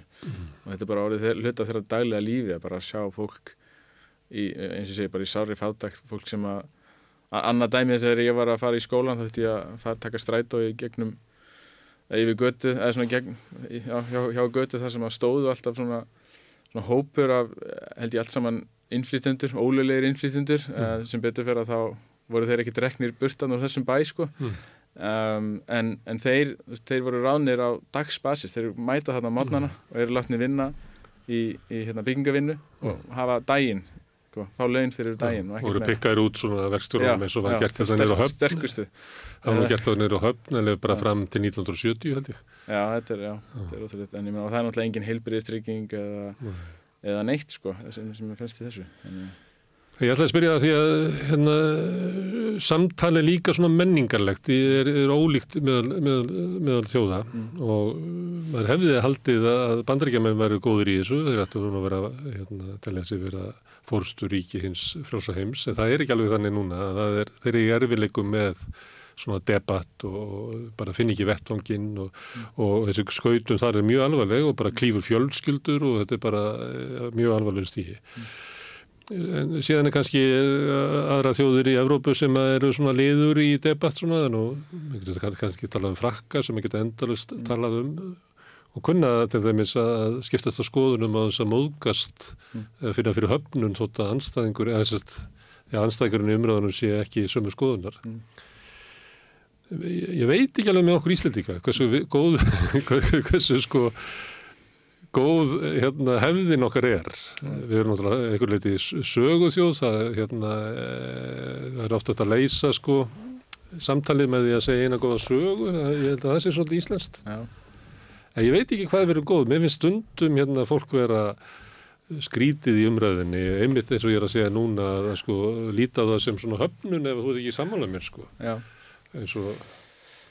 Já, ég upplifi líka sko að hérna, þetta sem tengist þessu sko að hérna það sé svona rökkraðir að Íslandi rökkraðir svona uh, debatt er svona rosalega, gerur rosalega personulegur ofta á Íslandi, þetta er oft svona sko, það er aldrei bara hægt að halda fram einhverju og sjá hvert það leiðir og aðtuga, aðtuga hvort að það sé kannski hægt að verja það og, og dag það, það er bara tilbaka ef að, ef að það leiðir, ef það kemur í ljósa þetta var ekki alveg það það gáfulegasta, um, heldur einhvern veginn eru svona, það eru svona tiltegnar afstöru, tengti tilteki fólk, hvort það er eitthvað Hannes Holmsteinn eða einhver annar sko eða Stefán Ólafsson eða eitthvað og, og, og, og svo er allt skýrt sko sem þeir segja eða gera út frá þessu, þessari flokkun fólks í svona einhverja hópa mm. eða skoðaninu. Það er svo þú sett búin að velja lið eiginlega bara um það leitið og opna munnin. Já, og þá þurfum við ekkert að hlusta, hlusta á viðkomandi sko. Uh, og þetta held ég sé nú ekki góð menning sko, það mættu gera eitthvað til þess að reyna að draga þessu, hann, hann Pál Skúlason hinsbyggingur, hann talaði þannig um sko að bara gera greinamun á, á, á manninum og boltanum að, mm. og hérna og að aðtöða að maður er ekki að endilega að gaggrína einstakling þótt maður sé að gaggrína það sem að viðkomandi heldur fram. Stjórnmálafólkin notar þetta alveg gríðarlega mikið þegar maður er að gaggrína, ég hef verið að gaggrína borgar meiri lutan. Já og ég fæ alltaf svona svar um hvort ég hati Dag Björgesson ja. þú veist þessu með þú veist hvernig akkur ég, ég, hérna við erum ágæðlega málkunnir og við erum alltaf þetta ekki vendt báðum þá bræður. Við þekkti gauta líka. Ja. en, en svona er stemmingin sko, ef maður segir eitthvað þá er það litið, ef maður kvartar yfir hérna sorpirðu þá hata maður Dag Björgesson Já, það er mitt Já þetta er svolítið svona hérna, lenskan hér á landi finnst mér. Um, og líka þetta sem þú varst að segja áðan með að svona, uh, mér finnst hérna ágætt stundum að svona kasta fram svona halv bakari köku eitthvað. Ja. Þú veist, ég er bara veld ykkur fyrir mér ja. og mér langar bara að vita að því að við tökum ákvörðun uh, með afstuna í félagsluðu samingi. Mm. Þetta, hérna, ég brenni mér mjög mikið á þessu á Facebook sko. Ja. Ég er alveg stilkinu alveg. Alveg kaffarður. En þetta er náttúrulega rosalega mikilvæg sko funksjón að, hérna, að geta verið sá sem að hendi fram einhverjum hugmyndum sem er svo rættar kannski að tekna upp og, og hérna, hvort sem það er að Íslandi er að vera fylgi í Noregi eða eitthvað svo leiðis og hérna, þá verður það alltaf einhverju hugmynd sem að kannski næri eitthvað flug og verður, verður að einhverju hérna, sem skiptir máli. Eða þótt ekki nefn að vera bara fyrir það að segja ok, nei, þetta er kannski ekki það sem við hefum að gera þá, þá vitum við það að minnst og við hefum þá Það er einmitt dæmi um það sem þú vil að vitna í mig hérna. Já, já, en þá var hugmyndið svo að þetta var svo gæld umræðan um hérna, Európusambandið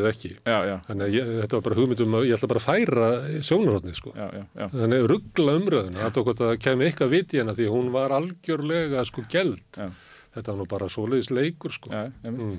Nei, nákvæmlega, og ég meina það er svo oft sko mikils virði að gera mm. það einmitt að, að, að, að brjóta hlutina upp einhvern veginn svona, mm. það er náttúrulega við búum þessu lilla samfélagi að þá fæ maður einmitt tilfengar það stundum verður einhvern veginn svona debattin fyrir að snúast um eitthvað svona einmitt. Á þessum tímapunkti var það hvað Evrópusambandi eða ekki. Já, já. og, og svo einhverjum öðrum tímapunktum er það eitthvað annað og þá, þá svo er löngu búið að gleymast það sem, það sem að áður allir áttu að vera að tala um áður sko. Og svo tilvílinlega kent oft hvað já. hérna, og völlur verður er bara eitthvað lið og það er alveg sama hverju hendir á völlin, það kemur alveg sama niðurstöðan, já, alveg sama hvað málið er. Já, já, þannig að það, já, ég held að við sem hættu að lenda í, í umræðum innflytjandamál með, með þetta Já. Erðu finnur, Já. það eru mörg verkefni sem eru á okkur, við þurfum að efla umræðina í samfélaginu, við þurfum að styrkja stofnuninnar Mm. og við þurfum að tala meira saman Mhm. og með fjölbreytilegri hætti við bara verum að finna að leið til þess að, að, að fara að gera eitthvað að þessu, mm. ekki? Jú. Já, við ætlum að byggja sa saman upp gott samfélag, þá fyrir að taka þátt í því. Kæra þakkir Finnur, já, takk alltaf fyrir gaman að fá þig og hérna það er eiginlega áskorun frá Finn ef ykkur vill andmælunum að þá er hann til í að ka- taka smá svona debatt sem að, að, að er holdt að reyna og pröfa. Við sjáum til hvort ykkur gefið sér fram. En við ætlum að halda áfram að sitja hérna við rauðaborðið og reyna að skilja okkur sjálf, samfélagið og heimið sem við lifum í. Næsti eftir augnablik. Um 60% eblingarfólks á erfitt meðan á endum saman. Hvernig er hægt að réttlæta það? Ebling stjættarfélag. Baróta fyrir betra lífi. Með því að ganga í leyendasamtökin stiður þú baráttu leyenda. Leyendasamtökin eru fyrir öll þau sem vilja vinna að réttlæti og öryggi á húsnæðismarkaði. Leyendasamtökin.is Sláist í hópin og gerist áskrifendur.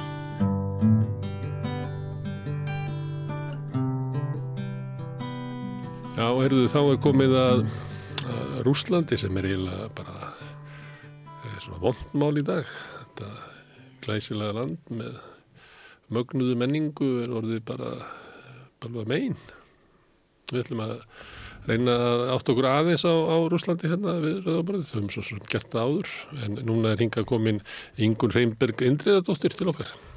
Hún er mentuð í Rúslandi og er núna aðjúnt og uh, hvað? Já, greinarformaður greinaformaður Í rússnesku. í rúsnesku við HÍ. Herðu, og þú læriðir í hvað í Petersburg? Ég lærði í Pétursborg, já. Á Ég var góð, góðum tíma? Á mjög góðum tíma, já. Ég Já. var að, áttaði mig á því eftir á, hversu góður tími þetta var. Já, Uh, ég flutti til Pétursborg árið 2006 Já. og byrjaði þar í einsárs undirbúningsnámi í rúsnesku og fór svo uh, í Ríkisáskóla Sankt Pétursborgar til þess að læra almenn málvísindi. Þannig að mín svona, helsta mentun er í málvísindum, almennu málvísindum. Og um, og til þess að, til þess að uh, kunna málvísitið þá þarf maður að kunna svolítið menningu landsins. Er Það ekki? já, já, það er svolítið, það er sagt á Íslandi að menningin sé í tungumálinu okkar. Já, já, það er náttúrulega óraufanleg tengsl þarna á milli. Algjörlega. Um, og þetta var, uh, já, eins og ég sagði, þetta var svolítið góður tími. Um, það var, uh, ég upplifði um, alveg frekar mikið frelsi. Um, ég, uh, fannst ég bara vera mjög örug uh, í Rúslandi á þessum tíma. Um, og sá ekkit endilega fyrir mér að það myndi breytast þannig að ég lít núna tilbaka og sé hvað þetta var í rauninni góður tími til að vera þarna og líka svona uh, námslega séð vegna þess að áður en ég byrjaði í náminu þá var um, háskólanum í Rúslandi aðeins öðruvísi heldur en er uh, í Europalöndunum það er að segja að uh, þú, þú fórst á ekki háskóla til þess að fá B-gráðu og síðan mastersgráðu eins og við erum með hér og þau voru ekki með svona ECTS einingar eins og við notum í vestrænu háskólakerfi um, heldur uh, fór fólk þá í háskóla í kannski fimm ár og læriði til gráðu sem hétt bara specialist, þú veist, þá ertu bara sérfræðingur í ykkur fæi og vandin ef þetta kerfi var að þetta, það var svolítið erfitt að þýða þetta kerfi yfir til vestrana landa, þannig að rúsneskar háskólagráður kannski voru ekki metnar ja, mikið í Európu og ég var í fyrsta árganginum sem að fór yfir í nýtt kerfi sem var vestræna, þannig að ég er með bakkalár í hefna, málvísindum frá rúsneskum háskóla. Og nú er búið að breyta þessu aftur. Yfir í gamla kerfi. En uh, þetta var ekkert svo mikil hindrun því að, að það hefur náttúrulega streymt uh, háskólamentað fólk frá Rúslandi yfir til uh, Vesturlanda Já, í ótrúlegu ströymi. Ég sá ykkur staðar að eitthvað var að áalla það að það væri svona helmingurinn að, rúsneskri svona intelligensju held ég að veri kallað í greininni. Byggja á Vesturlandum. Já, er það meina, þá, er það meina Það núna í síðustu fólksflutningunum? Nei, og alveg bara frá hruninu, hruninu já. Sovjet. Já, ég held að það sé ábyggilega rétt álíktað. Uh, og núna hefur náttúrulega uh, verið alveg holskepla Og uh, af, núna, Já. um, af fólki sem hefur flúið Rúsland. Fólk hefur flúið Rúsland af einsum ólíkum ástæðum. Um, við erum með eins og þetta sem við kallum intelligentsia, það er að segja svona, fólk sem er með mentun, fólk sem hefur uh, burði til þess að ferðast, hefur burði til þess að flytja kannski eitthvað annað sem að yfirgefur Úsland og margir gerðu það mjög snemma, eiginlega bara mjög skömmu eftir að innrásinn hófst í Úkrænu um, vegna þess að fólk sá bara hvert stemdi og áttaði sig á því strax að hér er þið ekki mm, vært að, að, að vera í Rúslandi þar að segja. Um, og, og þannig að fólk flýr á þessum fórsendum bæði vegna þess að um, við erum kannski með uh, svona miðstettar fólk sem að kæri sér hreinlega ekki um að uh, búa í svona miklu óryggi uh, sem er í Rúslandi og líka bara búa við þá við skerta atvinnumöguleika, fólk sem vinnur fyrir alþjóðlu fyrirtæki, þau fara öll frá Rúslandi, þannig að atvinnan er bara horfin og þetta er kannski fólki sem hafði tækifæri til að flytja til Evrópulanda uh, og til svona uh, vestræðna ríkja, þótt að margir hafi líka farið til fyrir Sovjetiríkjana eins og til Georgíu eða Armeníu til dæmis. Um, Þessum gátu gerðu. þeir sem gátu gerðu svo voru uh, uh, líka uh, líka fólk sem að flúði bara hreinlega til þess að komast hjá herskildu og fjölskyldur sem að kannski fluttu í burtu vegna þess að þar voru menn á mm. herrkvæningar aldrei sem að áttu vona því að verða sendir í, til Úgrænu og vildu það alls ekki. Um, og, og það er fó- fólk sem að um, sem flyttur á þeim fórsendum Um, og að lokum má svo nefna fræðafólk og þetta er alveg svolítið mikilvægt að átta sig á að mjög margir, uh, já, eða svona langt flestir háskólar í Rúslandi eru ríkisháskólar og það að vinna við ríkisháskóla er óbein, óbein yfirlýsing, uh, stuðningsyfirlýsing við ríkistjórnina. Þannig að það voru mjög margt fræðafólk sem að kærði sig ekki um að vera í þeirri stöðu, stutti ekki ríkistjórnina, stutti ekki innrjósina og treyst bæði vildi ekki veita þessa yfirlýsingu með því að starfa við svona stofnanir en óttaðist líka um eigið öryggi með því að uh, vera svona ofinberlega á, móti í ríkistjórninni. Uh, þannig að þetta var líka fólk sem að, sem að flutti. Um, og þetta var svolítið svona persónulegur harmleikur fyrir mig sjálfa. Um, ég var algjörlega miður mín þegar að innrásinn uh, hófst um, og uh, vonaði náttúrulega bara að þetta er bara búið fljótlega um, og ég var uh, tók það kannski svona sérstaklega nærri mér bara svona persónulega að hérna ég sá þá ekki fyrir mér að ég gæti farið til Rúslands, ég er náttúrulega ótrúlega marga vini og svona öflug tengsl í Rúslandi, sérstaklega í Petersborg Um, og ég sá fyrir mér að ég gæti ekkit farið þangað aftur í bráð. Uh, ég hef ekki farið þangað síðan árið 2019 og þar áður var ég að fara einu sundi tvisar á ári mjög reglulega til Rúslands. Þá yfirlegt á vegum háskólans uh, og stundum í persónulegum heimsóknum. En síðan kom svona eiginlega uh, svona annar umgangur af harmleik nokkur mánuðum síðar þegar ég áttaði á því að þegar ég get loksins farið til Rúslands þá veru bara mjög fáir þar sem ég er að fara að heimsækja. Það er allir farnir.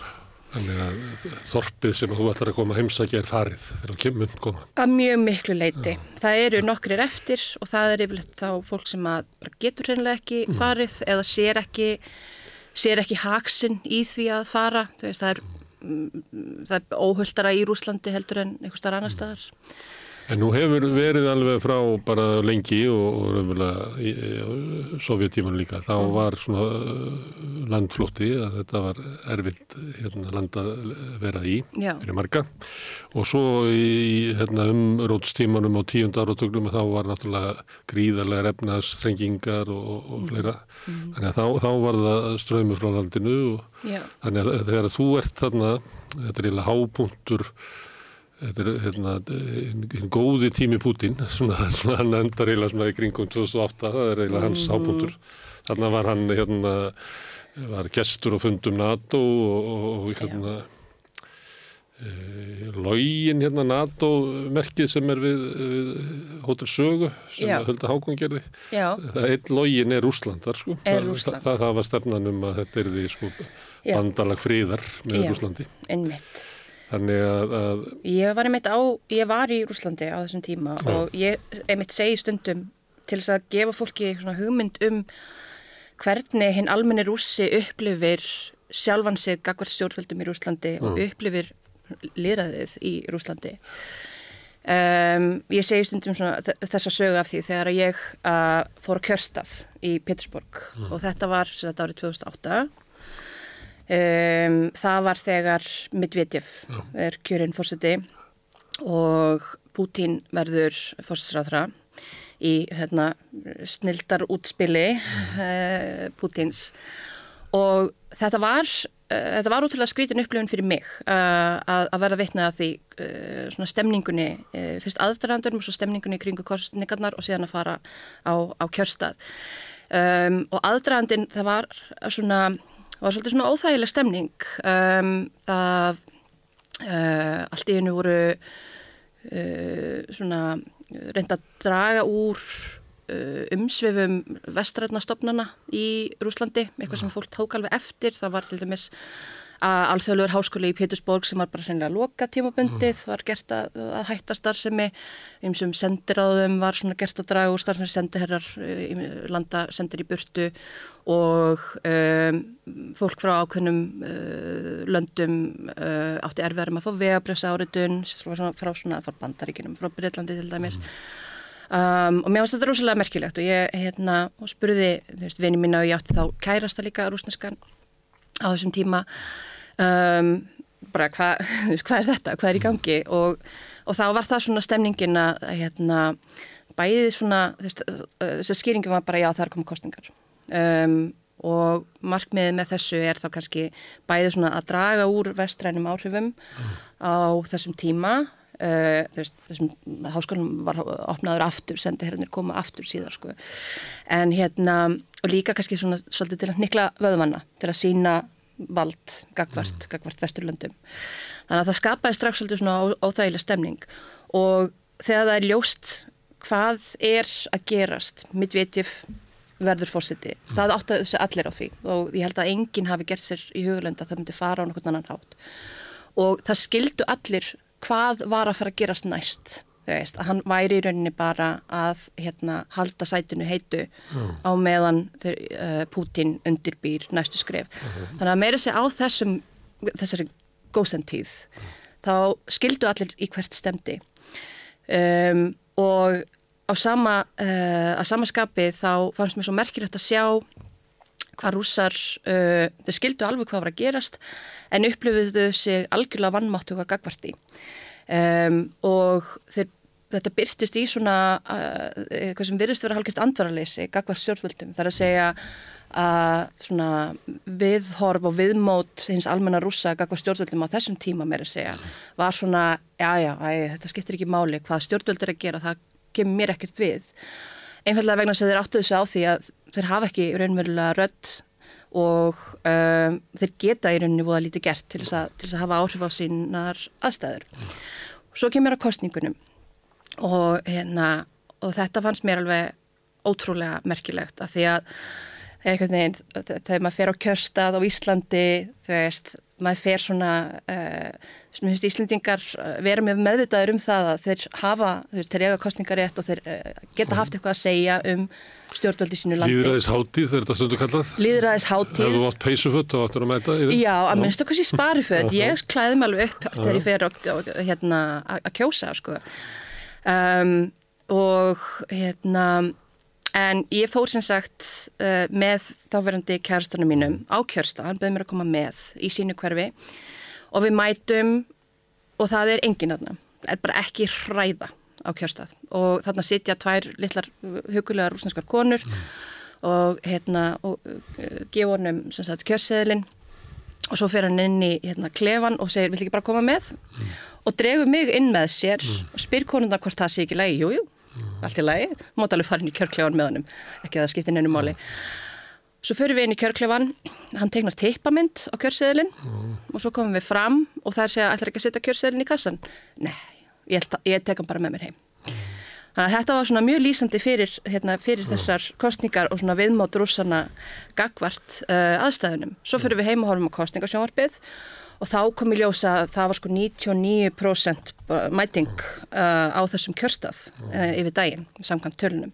sem er ekki fræðilegu möguleik að sér rétt. Nei, þannig að þetta sagði mér svona ímislegt. Þannig að þetta var svona það sem ég áttaði mig á þegar ég bjóð þarna. Þetta, þetta andvara leysi og það að um, á þessum tíma líka uh, uh, fannst rúsum um, og, veist, og þeir skildu það bara virkilega djúpum, uh, djúpu leveli að hérna, það skiptir ekki máli hvað þeir gera, þeir, þeir stjórnaði þess ekki, hvað sem stjórnvöldin er að gera, þeir stjórnaði ekki uh, á meðan og þetta, og þetta svona sýnir hvernig, hvernig það er að búa í landi sem hefur ekki raun, raunverulegt líðræði.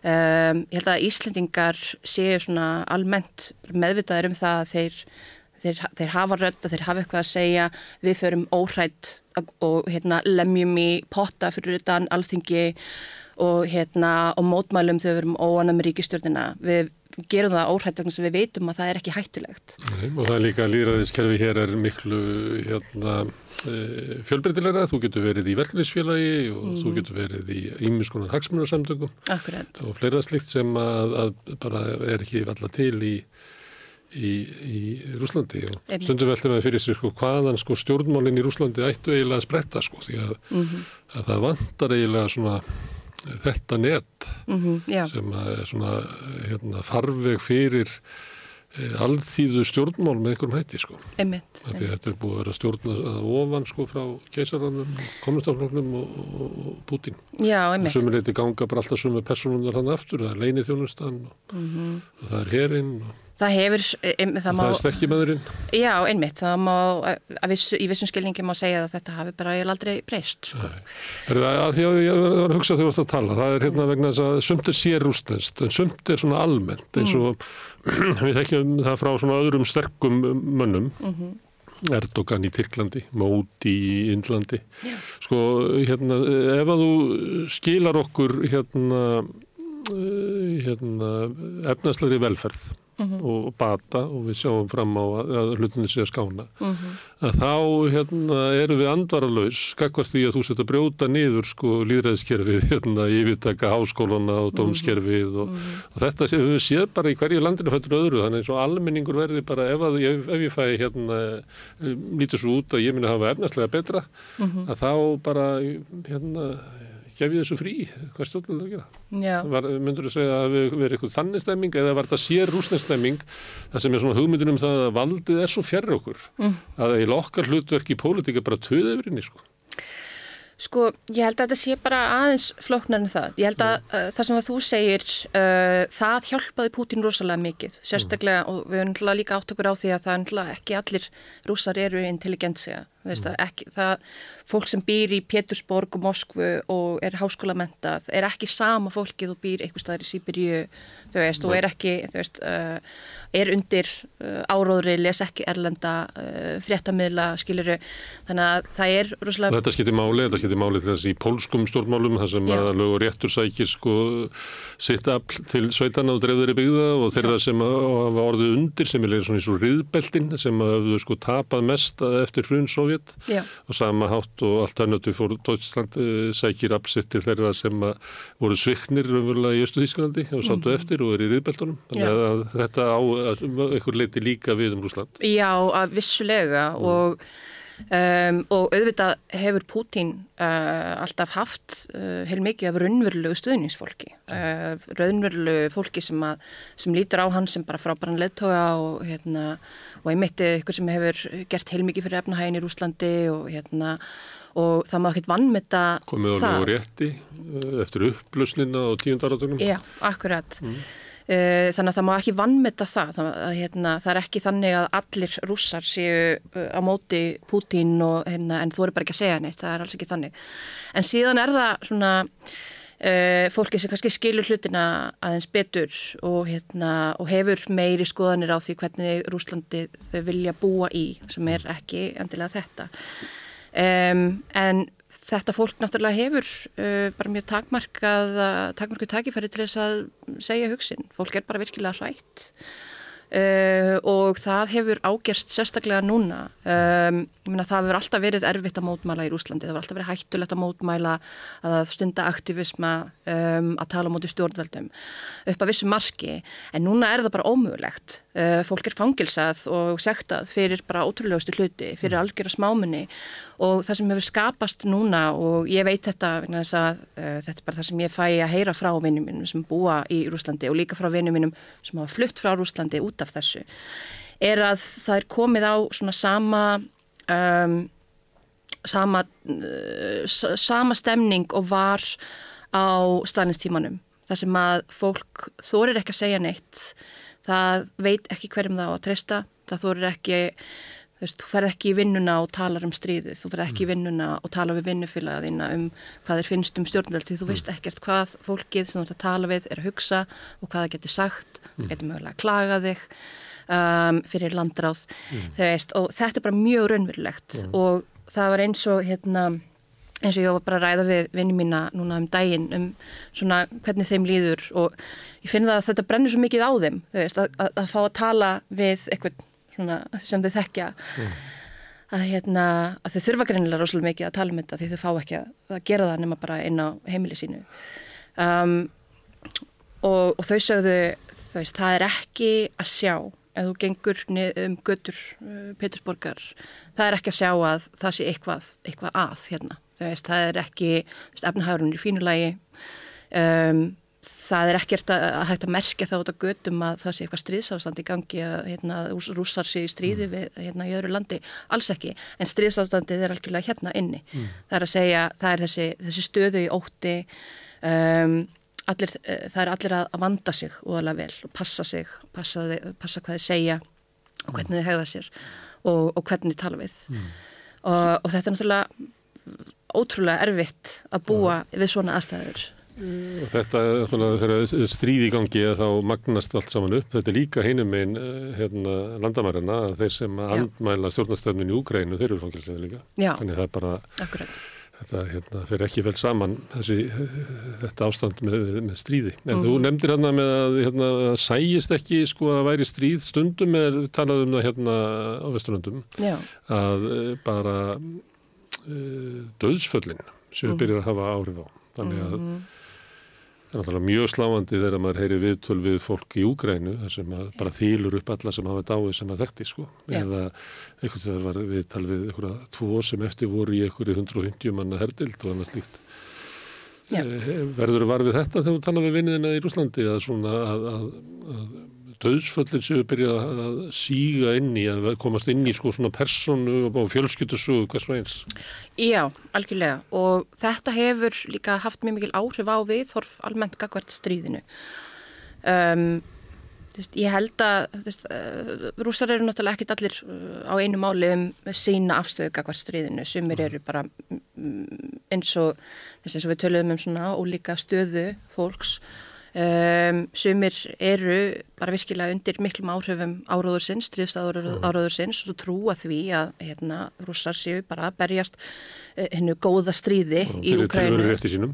Já, fyrir tilveru rétti sínum og bara á móti nazistum og hérna, mm. bara gera virkilega góða hluti. Já, bara á móti vestuvöldu sem hafa sótt á þau og búin að loka á þau og það er bara komið þannig ástand í heiminum. Já, og svo eru við náttúrulega líka með fyllt af rússum sem að uh, hafa aðrar skoðanir mm. og stiðja alls ekki stríð og vil ekki hafa þetta svona en ég held að það sé núna orðin svona frekar almennt í Rúslandi að rússar vilja stríðið endi, þeir vilja að þetta sé búið. Hvaða skoðanir þeir hafa á innrásinni um, þá er fólk búið að fá nóg uh, fólk er að missa ástfinni það eru svo ótrúlega margir búin að deyja í stríðinu um, og það er þessi missir einmitt sem er virkilega farin að býta á. Þannig að meira segja fólk sem að kannski stutti upp inn á svona til að byrja með og, er, og sér kannski ennþá ekkert að því að þetta hafi gerst. Um, það vil samt að þetta sé búið Það er þessi nálað sko, sem ágættur íslendika stundum að hafa í huga því að hérna tala, tala fólk oft mjög fölglega um stríð mm -hmm. eins og það sé bara léttu leikur en eh, raunveruleikin er allt annar þegar það kemur nálatir og byrjar að, byrjar að upplifa kostnæðinu við þetta. Akkurat. Herðu, hérna, uh, þetta tímabil, hérna, þegar hefur tí, tímabili sem að þú upplýður inn í Rúslandi, hefur tí, tilfinningu fyrir því að Rúsland hefði getað þróast skár eða eh, þegar þú horfir í gennum baksinni speilin sérðu að, að, að hérna, leiðin sem að Rúsland fór var eiginlega mörguð. Hvort er það? Var, var, var möguleiki í kringum 2008 að hérna, Rúsland myndi þróast öðruvísi, eh, tengjast Evrópu, Mhm. eh, verða hluta Evrópu? Svona eftir á að higgja, þegar ég lít tilbaka, Mm. Þá held ég að það hefði ekki verið. Uh, Mér finnst núna þegar ég líti aftur á þetta tímabil að þetta hafi verið komið bara í ákveðin farveg. Uh, sem ég sá þannig séð ekki nógu skýrt þá og ég, ekki, ég held að rússar hafi almennt ekki endilega átt að segja á því hvert stemdi um, en um, nei, ég, ég fæða svona á tilfinninguna núna að, hérna, kannski hafi glukkin verið fyrr um, en ekki á, á þessum tímapunkti það, veist, það var einhvern veginn alveg uh, fólk virtist alveg mm, átt að segja á því hvað Putin var að gera hvað hann, ætla, hvað hann ætlaði sér Og hvað var það sem hann ætlaði? Að þessu árum, ég held að þessi 2006 sem hann hérna, segist að vilja fara inn í NATO. Þannig, að- Þannig að ég meina það er verið að leggja Nord Stream og, og það er verið að innvinkla Rússland inn í sko bara pólitíst hérna pólitísk kerfi Evrópu, hérna þeir voru í Evrópu ráðinu í, í flokka bandalögum meðal annars með sjálfstæðarfloknum, þannig að flokkurinn hans og þannig að, að, að 2004, 2006, 2008 lítur út eins og það sé stefnan að, að, Rússland verði hluta Evrópu og það sé, það sé leiðin að friði Evrópu er að Já. Rússland og Evrópa séu saman Já. ef að Rússland og Evrópa er í sundur þá verður bara alltaf stríði Evrópu. Já, algjörlega og kannski var það eitthvað sem að hérna, kannski var það stefnan á þessum tíma en á sama tíma var alveg ljóst að Pútín ætlaði sér ekki að hætta að sitja við stjórnmölin og ég held að það sé uh, ákveðin ómöguleiki í því að ætla að uh, vera í samstarfi alþjóðlegu samstarfi sem líðræðisríki þegar það er ekki einlega líðræði í landinu þínu. Þannig að, að því leitinu til þá myndi ég segja að stefnan hafi verið svona, já, hvort það var stefna eða ekki, en að þetta hafi verið komið á hvern farveg sem að uh, var kannski, hefði kannski verið hægt að snúa við á þessum tíum punkti en það allavega gerist ekki. Herðu, það sem nefndi svona vestrið, mm. sko það ábílega er, er fólk í Rúslandi sem að vill bara að, að Rúsland verði bara eins og vesturönd. En Mm, já, ég myndi nú halda að það væri langstætti hlutin sem að vildi það ekki. Heldur hefði svona hugmyndur um það að, að við verðum að móta okkar eigin framtíð og ég vil að Rúsland verði rúsnest. Og við tökum það sem er gott fyrir vestan og tökum það og, og hérna endurfæðum það inn í okkar samfélag. En við ætlum ekki að gleipa þar hátt og vera ykkur eftiröpun af vesturlöndum. Einmitt. Ég býst við að Rúsland sé þannig land sko svo ég bara, maður heyri þetta í Afríku þegar maður er þar, Já. að þeir hafa engan á að verða þessu vesturlönd, þeir ætla að verða eh, Afríku, það er alveg sama hvað þú flyttur til Afríku, það verður alltaf að vera, það er afríkansku já. það er afríkanska lausnir og öllu. Mm Rúsland er líklega þannig land að það hérna, að móta sér sjálft. já, ég myndi En segja þessi tókstrita, annars vegar hérna, vestrið og Rúsland. það. Vestrið og Rúsland. Svona átökinni ef, ef, ef við myndum tala um rúsnesk svona stjórnmál eða framtíða sem Rúslands? Jú, um, ég myndi segja að þetta, uh, að fólk sé svolítið svona á rófi með afstöðu gagvart Vesturlöndum að þessu leiti og gagvart því hvað, hvað sé- uh, hvernig þau upplifa uh, Rúsland og, hvernig, og sérstöðu Rúsland. Uh, og það er vissulega fylgta fólki sem að vill bara hafa sem mest alþjóðlegt samstarf hafa uh, villar Rúsland sé uh, bara mjög svipað og Vesturlönd uh, vegna þess að það vill geta svona tekið þátt í því sem að sem er að gerast í, í Evrópu til dæmis og vil geta ferðast um frjálslega og, hérna, og, og unnið erlendis og búið erlendis. Það er erfitt fyrir rúsa og var erfitt núna en var líka áður erfitt fyrir rúsa að fá vegabrisáritun og komast út úr landinu. Þannig að það er alveg fólk sem að hugsa þannig en ég held samt að svona langt flestir í Rúslandi uh, þykji uh, sín menning, rúsnesk menning vera eitthvað til þess að vera stoltur af eitthvað sérstakt Uh, og ég, ég er hindi við heiminn, þannig það er nú Putin. Já, akkurat. um, og einmitt kannski upplifið það svona, vilji, uh, vilji alþjóðasamstarf, vilji hérna, svona meira frelsi en á sama tíma um, ekki, einmitt, ekki vera bara eins og eftirlíking af vesturlöndum. Um, heldur, heldur svona uh, halda sinni, uh, sinni sérstöðu. Þeir hafa engin sko, enga kanala til þess að þróa þá hugmyndi sko. Það Nei. er eiginlega engin stjórnmál í Rúslandi sko. Það eru bara sterkikallinn og, og herinnans og og Mm Já, akkurat, og svo bara fólk svo bara fólk Og sem bara fólk. að bara hérna, reynir að læðast. sem reynir bara að halda sig á móttunni í rauninni og mm, reynir að koma sér ekki í vandræði um, og svo náttúrulega uh, hjálpar það ekki að hérna Vesturlönd, við á móti Vesturlöndum er náttúrulega mm, mjög svona rauður þráður í áróðri, uh, í stríðsáróðurinu Þeir eru náttúrulega ekki að lesa lengi sögunni til þess að raukstu það. Mhm. Það hefur, ógnin hefur komið frá Já, Evrópu.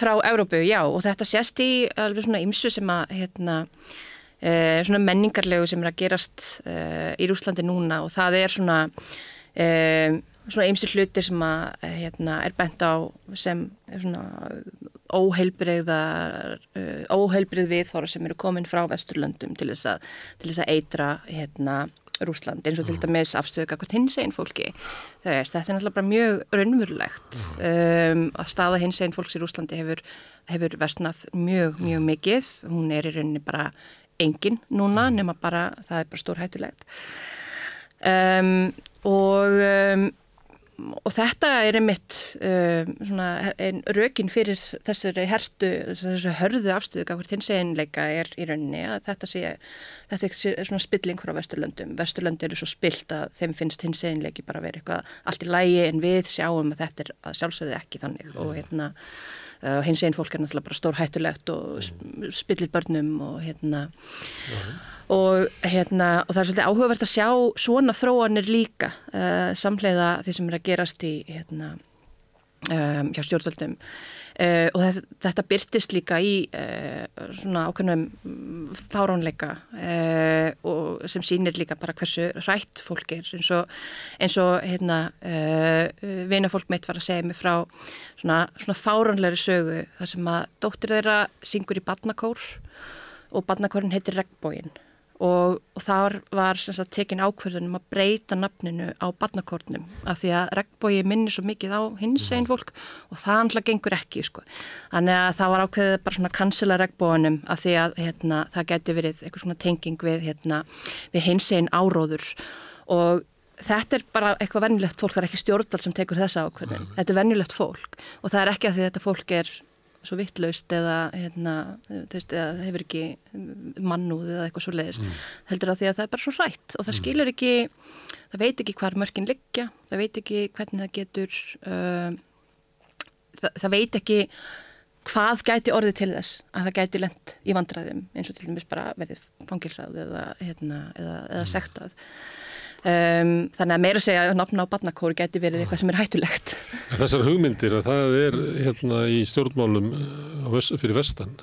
Þar eru hérna á Putin bara skoðanabræður í Trump og ég meina uh, ráðandi öflum á Ítalju, Le Pen fer með heimiskötu núna í Fraklandi og allt annað fyrir Deutschland og þetta eru flokkar sem að er að sigra kostningar í Hollandi og Svíþjóð og Finnlandi og að mörguleiti sko svona náttúrulegir skoðanabræður Putin þótt að sé blæbreðamöðunur á þessu. Ég meina við vorum með lögur rétt í, í, í Pólandi sem að, að tapaði reyndar nefnt. Já, og vann sig hvort að hvernig það verður í fremtíðinni þannig að, að svona einhver leiti þá hérna það er furðulegt sko að meiri sé sem afleðing af Úkrænustriðinu að þá held ég sé hægt að sína fram á það að flokkar sem eru tengdir hérna Pútin svona hugmyndarlega með því að Já. vilja skrúa ofan af svona mannréttinda sigurum síðustu 20-30 ára Já. hvenna baráttunni og baráttu hins eginn fólks og alls konar gegn mm. innflytunum öru slíku að ég meina, þeir eru bara alltaf ekki nærið þeir eru bara tvöfald að fylgja sitt frá innrásinni í vestu, vesturinu já, þannig að Pútin er á þessu leiti ekki þetta er ekki sér rúsnest. Nei, alls ekki. Nei, þetta, bara, þetta sýnir okkur hvað hérna gerist þegar að, að þessi öll ná völdum í, í, í svona uh, sem að völdin eru bara á einum stað. Já, akkurat. Ja. Það Já. er, en eh, hvernig hérna eh, séð frá Rúslandi, Mm. vestræn eh, pólitík, Mm til dæmis að þessu leti. Já, Er þá, hérna, ef að þú ert á línu stjórnvalda í Rúslandi og horfir á vestræn stjórnmál, Mhm.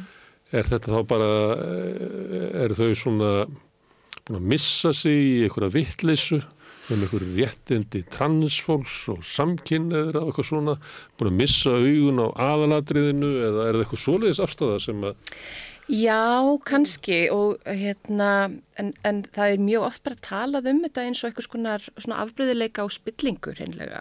Að Vesturlönd séu bara eitthvað svo, hérna, Vesturlandabúar séu bara orðnir eitthvað svo, svo úrkynjaðir hreinlega að þeir, hérna, um, styðja svona, svona, hérna, mm, hegðun eða ég veit ekki hvað, Já, hvað, hvað, hvernig ég á að orða það. Eins og til dæmis uh, já, hins einn fólk og hérna og, og hvernréttinda baráttu og, og svo framvegis. Þannig að já, ég held að veist, það, það er allavega mjög oft talað um það uh, þannig, já, og þetta er nú bara klassist í sögunni, þetta eru bara fjallabúanir að tala um borgarbúana. já einmitt. Það eru alltaf, veist, þetta er bara gegnum gangandi mjög víða þar sem að þetta kemur og svona hugmyndu við en að Íslandika þekkjum þetta vel um, um spillinguna í sollin í, mölinni og, og, og það er vel hægt að spila inn á þetta í pólitík sko og hefur verið gert hér. Já, já, algjörlega, ég minn þetta spilar náttúrulega Þetta við hérna fyrir sunnan lengst af höfðum ekki sama atkvæðarétt og annars þar að því við vorum raunverulega bara svo spilt lið. já, já, það var þannig. Já, ég minn þetta náttúrulega spilar bara á ákveðnar tilfinningar sem að margt fólk greinlega hefur og hérna og ítir undir náttúrulega svona uh, óta fólks skakvart ykkur sem það skilur ekki og það er náttúrulega samningar, samningar kraftur uh, í því. Herðu, það er hérna, oft talað um það að, að hérna, eina leiðin til þess að stoppa Úkrænumstríður er að það verður breytingar innan Úkrænu. Þetta er að sama og er sagt í Ísrael að hérna, það þurfa að vera Ísraels uh, búar þurfa að rýsa upp gegn Netanyahu og, og hérna, þeim flokku sem hann er búin að ræða í kringu sig. Mhm. Að þá benda menn á það sem að þú eiginlega byrjar á að tala um sem að er sko landflóttin og hverjir það eru sem að flýja landið. Það er sagt í Ísrael að það er bara líkutun á því að það gerist þau alltaf minn og minni vegna þess að þeir sem að þól ekki að búa í Ísrael undir þessu ástandi að þeir fara en, en hins vegar dregur Ísrael til sín þá sem að vilja, Já. vilja þetta ástand og þess, þessa orðræðu og þessa hugmyndum Ísraelsríki og hlutverk þess og, og, og framtíð. Að einhver leiti getur maður haldið að það ástand væri eiginlega í Rúslandi líka að, að, að því lengur sem það er að því líklega er þetta haldið áfram ef, að- ef að má orða það þannig sko. að því, að, því að, að, að þeir sem að þólit ekki þeir fara Já, akkurat. já, og þeir sem eru, eru áfram að þeir venjast við þetta og setja sig við þetta og Já, akkurat. hvað, eða hefur vonum að allt í einu verði vor í Rúslandi Ég meina, við náttúrulega vonum, við lifum og vonum að einhvern tímann komi vor í Rúslandi. Ég er ekki vissum að það gerist uh, bráðlega. Um, ég vonaði þetta að það gerist á endanum. En þetta er náttúrulega mjög erfið staða og hérna og við sjáum til dæmis að þetta hefur verið afstafa eins og til dæmis Navalnís um, þú veist og svona uh, þessar svona stæstu aktivista sem að uh, hafa verið fangilsaðir sem að tóku þá okkur að snúa aftur til Rúslands jáfnvel þá til vissu að það væri lífsættulegt um, og þeir taka þessa ákverðun í rauninni bara til þess að í rauninni fórna sér, til þess að sína veist, ég, ég get ekki setið örugur einhver staðar annar staðar og sagt fólki að það eigi að berjast. Ég þarf að vera, veist, ég þarf að vera hérna til þess að, til þess að sína að, hérna, að ég ætla að standa fyrir það sem ég trú á um, Það voru reynda frétti núna bara að það hefði verið samninga viðræður um að sleppa honum Já. í skiptum fyrir einhverja hérna, aðra uh, fanga. Já, já, það er náttúrulega bara verið mjög jákvægt sko en hérna Það En- voru viðræður í gangi og, og ég meina einhverjir sem að voru í kringum uh, Navalni voru að segja að þeir hefðu veila verið í höfn. Þess Mhm. vegna hefðu komið óvart að hann tegir allinu. Já, já, það kemur náttúrulega svolítið óvart. En hérna, uh, en þetta er náttúrulega bara ekki eitthvað sem að margir uh, treysta sig til þess að gera og, hérna, og eins, eins og þú bendir á þá eru bara ótrúlega margir sem að hafa flúið, kæra sig ekki um að vera þarna og vilja ekki setja sig í hættu, heldur hérna vilja, mína, hver vill það svo sem. Um, þannig að já, þetta er fólki Já. sem að þetta er fólki sem er fyrr, en svo er líka Lenin flúði líka. Já, kom aftur. já, kom Það Það getur líka gerst. já, fólk taki getur í gerst, lestina. sko. Herðu, að því að byrjaði svolítið að tala um sko persónulega frá þínu tíma. já, Að þú færði þarna uh, ung kona að læra rúsnesku Mhm. og opna þennan rísa glugga og handan hans er bara rúsnesmenning sem að, er bara verður að segja þetta er bara stórkosleg í, í bókmettinnar og tónlistinn og Mhm. ballettinn og myndlistinn, þetta er bara stórkosleg menning. þetta er bara stórkoslegt Já. stórkosleg menning, stórkoslegt tungumál Svo kemur stríðið og það eiðilegur þetta allt fyrir þér. Ég man að ég talaði við hann Gunnar Þorra Pétursson já, það sem að mikill hérna uh, ástmaður uh, rúsneskrar menningar já, já og hann sagði bara það búið eða ekki allt sko. hann getur ekki opnað Dostojevski líka þá sér hann einhvern veginn frægin að þessari innrás að þetta sé eða rúsnesk menning sem er á bakvið þetta. Mm já, algjörlega. Kannastu við þetta, þetta svona, að þetta sé bara eiginlega næstu persónlegt áfall? Já, algjörlega. Um, og það má náttúrulega segja það líka bara um uh, þetta er persónulegt áfall fyrir mig. Um, að mjög mörguleiti bæði þetta að hérna, hér er bara heill heimur og þitt tengslanett og viniðinir og ek ekki bara heill heimur heldur mitt annað heimili. Uh, og Rúsland hefur náttúrulega, ég flutti heim árið 2011 og byrjaði að vinna við Háskóli Íslands. En, um, en ég hef alltaf haldið þessum tengslum og þetta verður alltaf verið mitt annað heimili og ég hef oft uh, uh, það stóð alveg til ákveðin tímapunkti að kannski fara aftur og vera um, um eitthvað, eitthvað skeið í Rúslandi Þannig að þetta er persónulega mjög mikið áfall uh, fyrir mig og einmitt að sjá tengslanætti mitt bara um, hverfa í rauninni. Eða leysast upp, það er núna bara út um, út um allt. Uh, þannig að persónulega já, þá er þetta mjög mikið áfall. Og svo er þetta líka haft mjög mikið áhrif á uh, stöður rúsneskunar í háskólanum og uh, áhrif á möguleika okkar nefnda til þess að menta sig. Af því að við... Við bjóðum upp á tveggja ára nám við Háskóli Íslands í rúsnesku, rúsnesku, við kennum rúsnest mál, rúsneskar bókmyndir, um, sögu, stjórnmál og hérna, menningu og svo framvegis. Um, og til þess að fá B.A.gráðu í rúsnesku frá Háskóli Íslands þá þurfa nefnendur að taka eitt ár erlendis í Rúslandi. Og það hefur náttúrulega ekki verið í bóði. Um, þannig að þetta hefur reynst okkur mjög erfitt að, hérna, að finna nýjar leiðir að því að veist, ef að hérna, höfum alltaf, uh, ég, ég myndi alltaf segja sko, ef að, að Rúsland er ekki bóðið þá, þá væri eðlast að senda nefndu til Úkrænu það er alltaf heldur ekki hægt. Um, þannig að við höfum uh, verið svolítið erfiðum aðstæðum með það. Og hérna þetta var alveg svolítið sjokk í mann hérna eftir uh, þegar faraldrinum var að ljúka eða ljúka, hún er náttúrulega aldrei lokið þannig séð. En hérna Uh, við vorum með rosalega öflugan árgang uh, nefnda í rúsnesku sem að hérna var hjá okkur í gegnum sóttotanaðgerðir uh, í gegnum, hérna, í gegnum COVID. og þessi árgangur vildi sem sagt uh, stemdi allur á það að fara til Rúslands uh, og var bara svona með fingurna krossaða að býða eftir því að faraldrinum faraldrinum er í lokið að sóttvarnaraðgerðir myndu leifa það að þau getur farið til Rúslands til þess að klára námið sitt. Og uh, það var náttúrulega ekkert uh, útsið um það en það var um, háskólanum í Pétursborg, hann var, hann var bara lokaður á meðan á faraldrinu stóð með hluta tímans. Um, og svo fæ ég loksins bref frá kollegum minni við Pétursborgar háskóla sem segir við ætlum að opna háskólan, mm. þið, getið, þið getið sendt nefnendur til okkar og þið getið aftur komið og heimsótt okkur í, í, í haust. Og bókstaflega daginn eftir byrjar innrásinn í Ukrænu.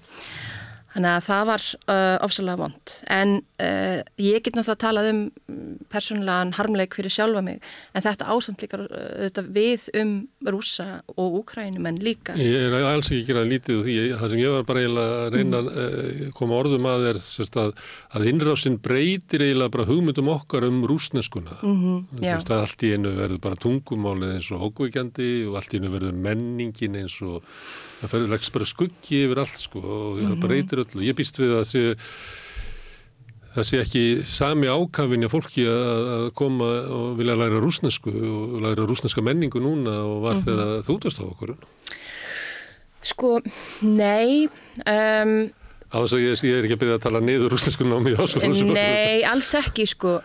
Málið er að það er rosalega erfitt fyrir okkur að sjá hvort að það er bein áhrif af því að fyrir utan náttúrulega þessi áhrif við getum ekki sendt nefnum til Rúslands og þau þurfa að fara til eitthvað Íslands eða eitthvað an, annar landa í staðinn. Um, en hérna það hefur vissulega fækkað hjá okkur nefndum en það er ekki augljóst að það sé bein afliðingar stríðinu vegna þess að það hefur fækkað svo mikið í öðrum erlendu tungumálum á sama tíma Þannig að ef það væri bara fækkun hjá okkur en brjálað að gera í frönskunni þá myndi ég segja já algjörlega þetta eru beinar afliðingar af, af stríðinu. En ég fæða svona tilfinninguna uh, og þeirst, ef það er að minni aðsókn í hérna, tungumálanám þá er það ofta svona merki um hérna, efnagasaðstöður frekar en til dæmis stríðsástand. Mm. Og ég minna á, ég er búin að kenna rúsnesku við HÍ síðan 2011 og ég er búin að sjá alveg svolítið miklar breytingar í svona bæði á Íslandi og í svona allþjóða samfélaginu uh, á þessum tíma og um, Rúsland hefur nú alveg hefðað sér illa á þessu tífambili áður en að þessi innrás hófst og ef eitthvað er þá verðist frekar vera að það kvikni meiri áhí hjá fólki að læra rúsnesku mm. þegar að Rúsland er svona í deglunni mm. Og mér finnst það líka bara fullkomlega eðlilegt að því að um, ég minna ef eitthvað er þá, þá sínir þetta ástand okkur uh, en betur hversu nöðsynlegt það er að, hérna, að hafa tungumálakunnáttu Um, ég minna getur ímyndaðir hvernig það, hvernig það væri ef að þessi, þetta stríð hefði, hefði byrjað og hér væru engir sérfræðingar sem að, sem að tala rúsnesku, sem að geta lesið rúsnesku mælandi fréttamiðla, sem hafa eitthvað einsýn í hinn slavneska heim. En einhver stemmingin er ekki þarna sko. Stemmingin er það bara að við ætlum að ekki að tala um rúsa, við ætlum engin samskipt að hafa við þá, við ætlum að stoppa, við ætlum að, að banna YouTube að dreifa þarna Russian Today mm -hmm. við viljum bara ekki heyra orða því sem þetta fólk segir. Það er eiginlega stemmingin sko. Já. Mér finnst það hérna voða lítir svona hérna við verðum að, hérna, að átt okkur á því hvernig anstæðingur hugsar. Ég bara, það vallaði að maður heyri það sko. Ekki, en ég menna uh, í fyrsta lagi þá er það ekki bara anstæðingurinn hvernig hann hugsar. Það er mm. líka fréttamillar sem að vinna innan Rúsland mm. og Úkrænu sem eru á rúsnesku mm. sem er mikilvægt að hérna, hafa aðgengi að. Uh, og þetta er líka spurning um að hafa innsæi inn í hinn hérna, inn í uh, þinn rúsnarsku mælandi heim mm. og það hefur alveg sínt sig, ég minna það eru sérfræðingar frá Háskóla Ísland sem eru búin að vera mjög mikið. Ég áttum að það þarf, ég bara að segja að svo stemmingin er eiginlega hérna, fyrir vestan fyrst sem er þannig mm -hmm. að lausnin er eiginlega bara að hafa engi samskipt fyrir rúsa.